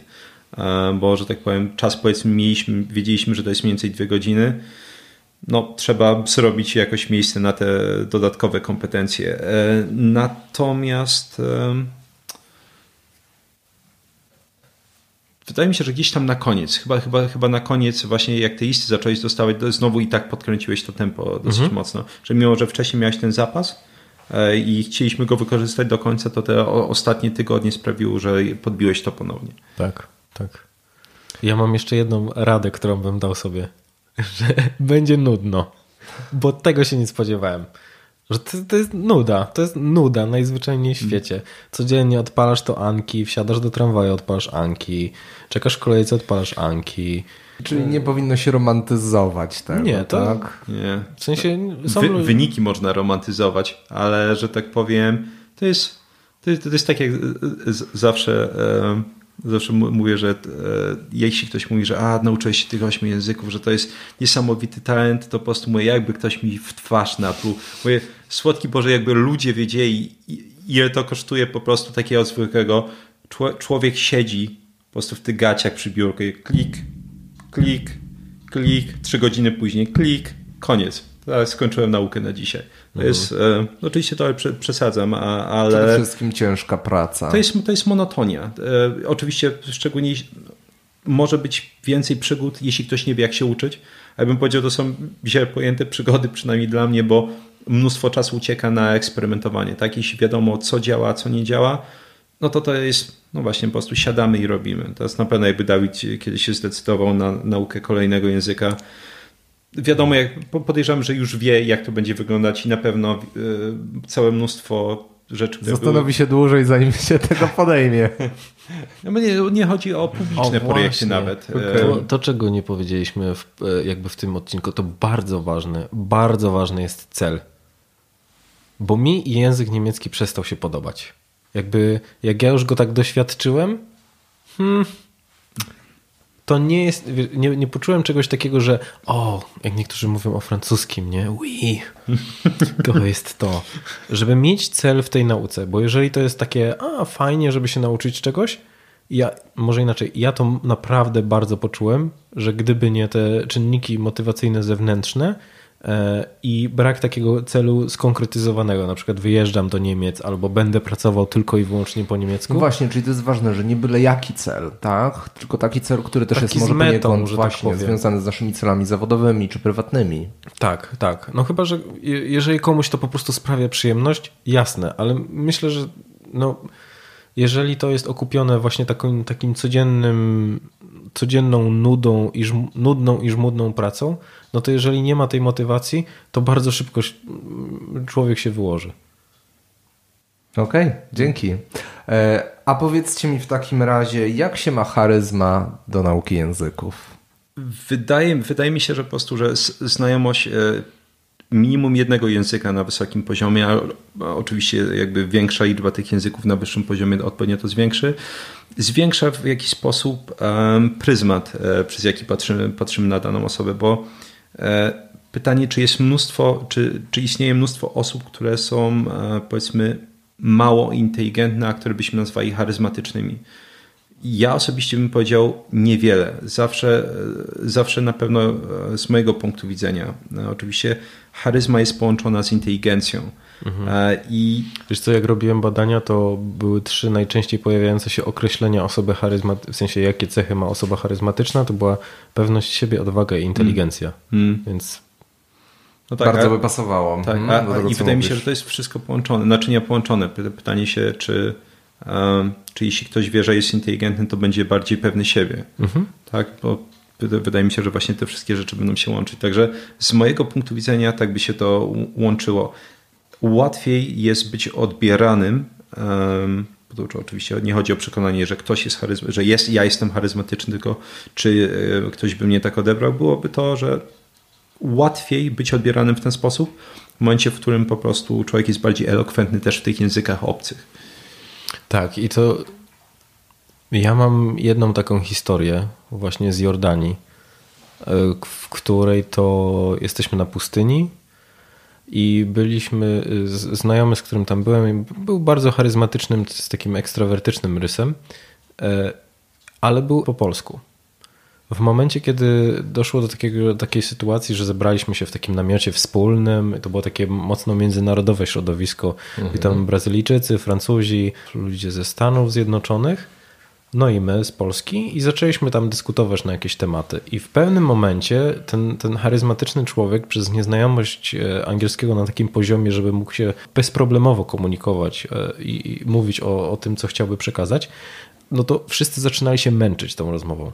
I on się męczył, i my się męczyliśmy, on jakby męczył się próbując wyjaśnić o co chodzi, często jakby odwołując się do kogoś, kto mówi lepiej, prosząc o, o, o wytłumaczenie i my jako słuchacze męczyliśmy się tym. Hmm. Więc charyzma charyzmą, ale jeżeli nie ma tego środka, w jaki, jakim moglibyśmy dotrzeć do, do naszego rozmówcy, e, jakim jest właśnie znajomość obcego języka, powoduje, że my zaczynamy traktować tą osobę jako e, tak, po pierwsze my się męczymy, a po drugie mamy wrażenie, że jeżeli ktoś nie posługuje się biegle językiem, to gdzieś z tyłu głowy zaczyna, otwiera się taka klapka i mamy wrażenie, że on nie do końca rozumie, co my mówimy, i za każdym razem, y, nawet jeżeli przekazywalibyśmy jakąś myśl, to, to zastanawiamy się, czy on na pewno dobrze zrozumiał. A myślę, że takie wspólne zrozumienie to też jest klucz do, do charyzmy. Na pewno. Jeśli, jeśli ktoś widział wystąpienia Tuska w Parlamencie Europejskim, po angielsku, to myślę, to myślę, że będzie mieć jakieś odniesienie, że Tusk, no powiedzmy, jakaś tam był w stanie się, czy jest w stanie się wypowiadać po mhm. polsku. Powiedział, no, dla mnie nie jest to osoba charyzmatyczna, ale po prostu wystąpienia takie spontaniczne, w których on coś próbował skręcić po angielsku w Parlamencie Europejskim, to było. Szczególnie polecam na przykład ujęcia e, na twarzy innych tych posłów takie no, było zażenowanie, że było często widać. Jak mówię, no, już nieważne jak człowiek jest inteligentny, rzeczywiście jeśli nie ma medium przekazu mhm.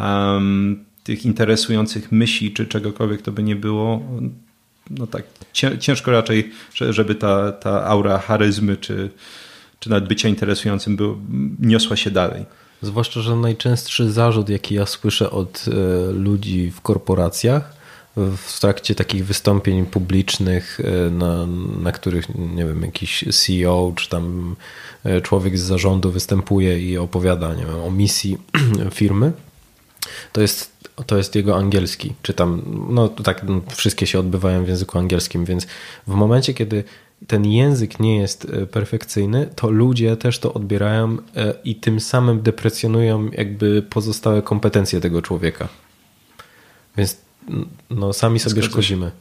Czyli wpływa to znacząco na nasz wizerunek. Mhm. Tak. I w drugą stronę, my możemy sobie polepszyć i kupić ludzi, mówiąc bardzo ładnie w jakimś języku, bo oni wtedy e, no, zastosują ten efekt aureoli, że każda inna cecha e, pozytywna będzie nam przypisana wtedy, czyli będziemy mm. bardziej inteligentni, zaradni, no, to znaczy, że w takim razie mm, nie, nie warto zaprzestawać na przykład nauki języka na jakimś poziomie powiedzmy B2, ale jednak, no nie wiem, w przypadku może mhm. angielskiego rozwijać go cały czas, tak? Jeśli o mnie chodzi, to y, ja bym wrócił właśnie do tego tematu celów. Dla mnie B1 może być, czyli taka komunikacja, no jeszcze z błędami, może nie do końca płynęła już komunikacja zdecydowanie, może być wystarczająco dobrym celem, bo po co jest ten język? Tak, po co nam jest potrzebny ten język. Jeśli ktoś powiedzmy chce podróżować, poziom B1 jest dla mnie ok, bo porozumiemy się, trzeba, to pogadamy, nie bardzo głęboko na jakieś nie wiadomo jakie tematy, ale pogadamy. Mhm.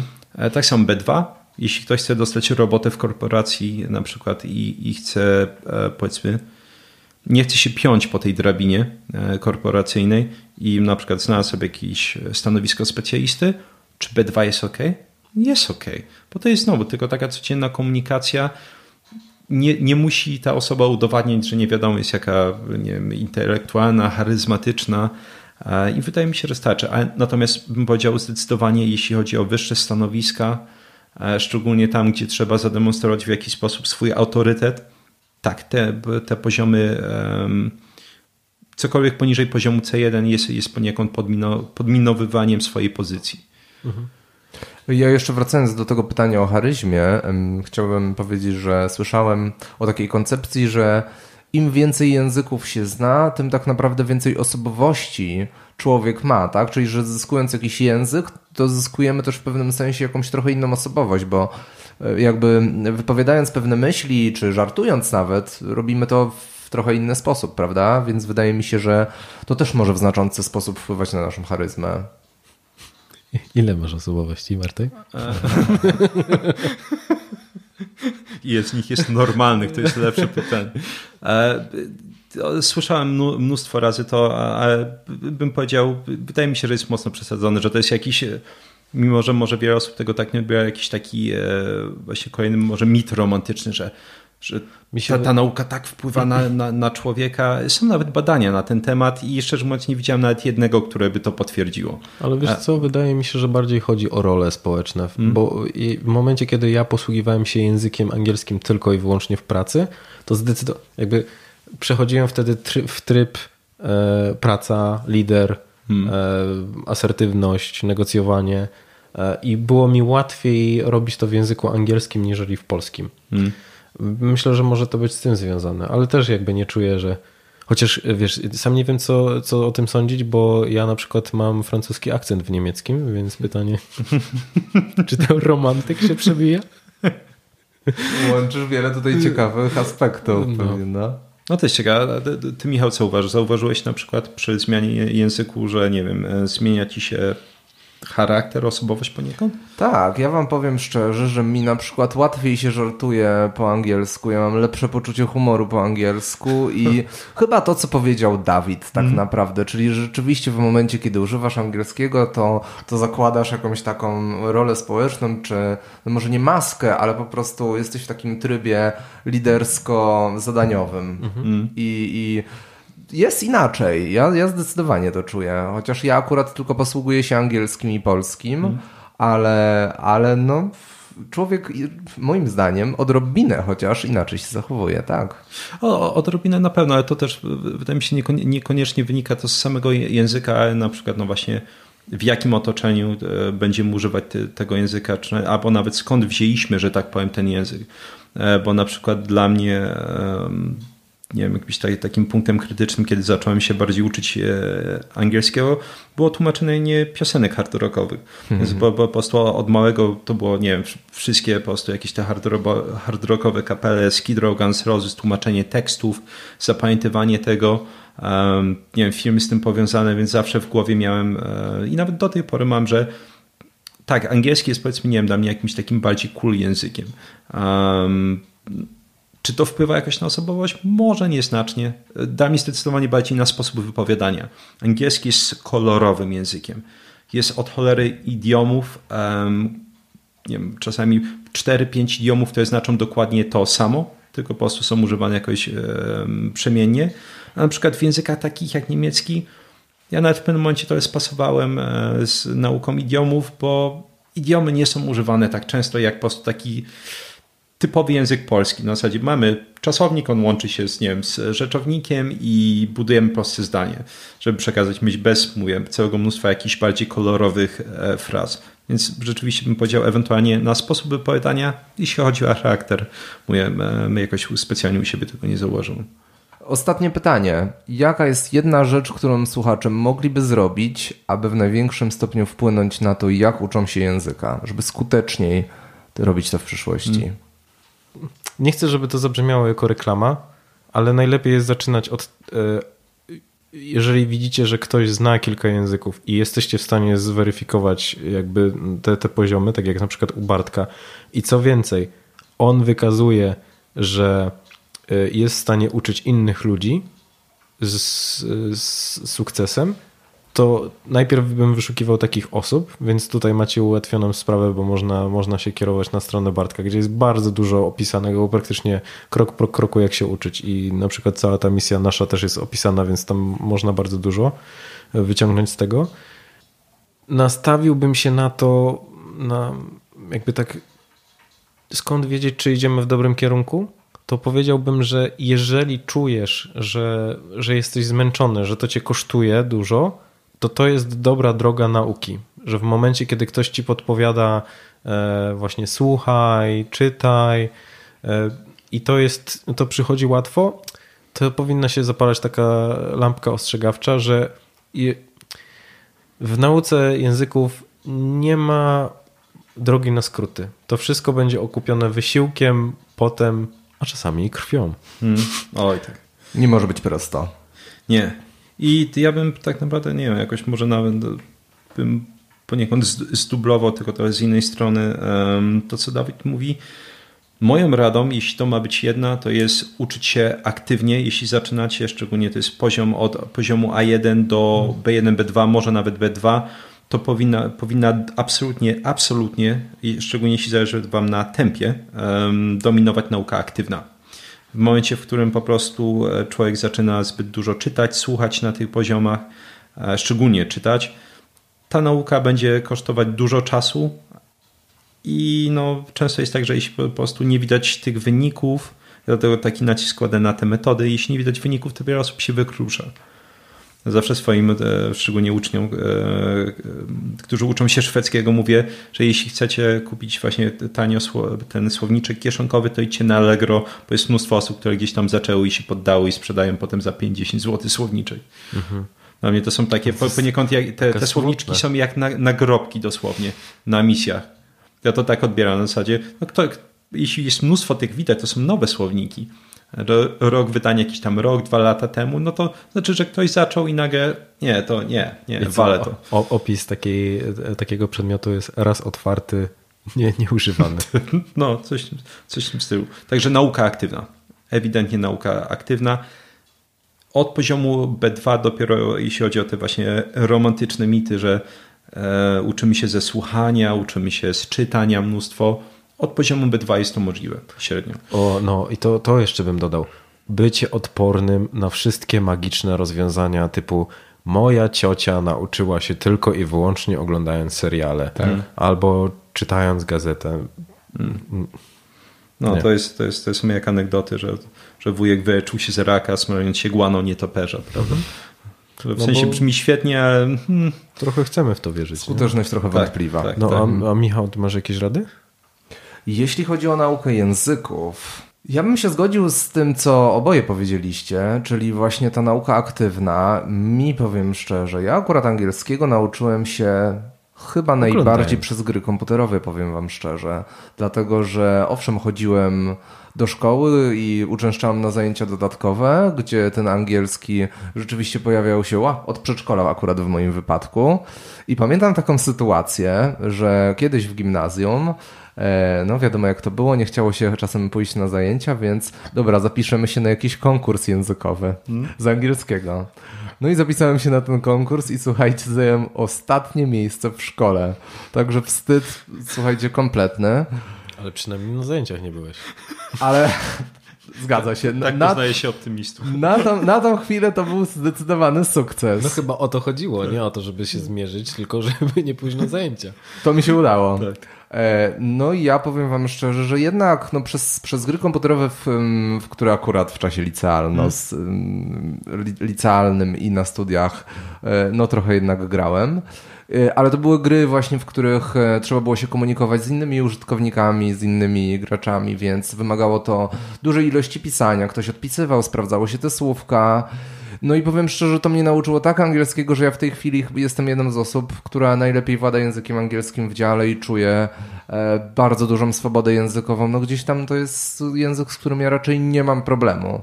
Także no, moim zdaniem jednak no, to aktywne wykorzystywanie języka i, i ta potrzeba komunikacji, czyli rzeczywiście stawianie się w kontekście, w którym, e, w którym ty jesteś zmuszony poniekąd e, komunikować się i użyć tego języka. Taka byłaby moja rada. Jak, najba- jak najbardziej. To, to, że tak powiem, wszy- wszy- wszystkie rady się przedłużają tutaj. Dobrze. E, Moi drodzy, ja już nie mam więcej pytań. Czy chcielibyście coś dodać jeszcze od siebie słowem końca?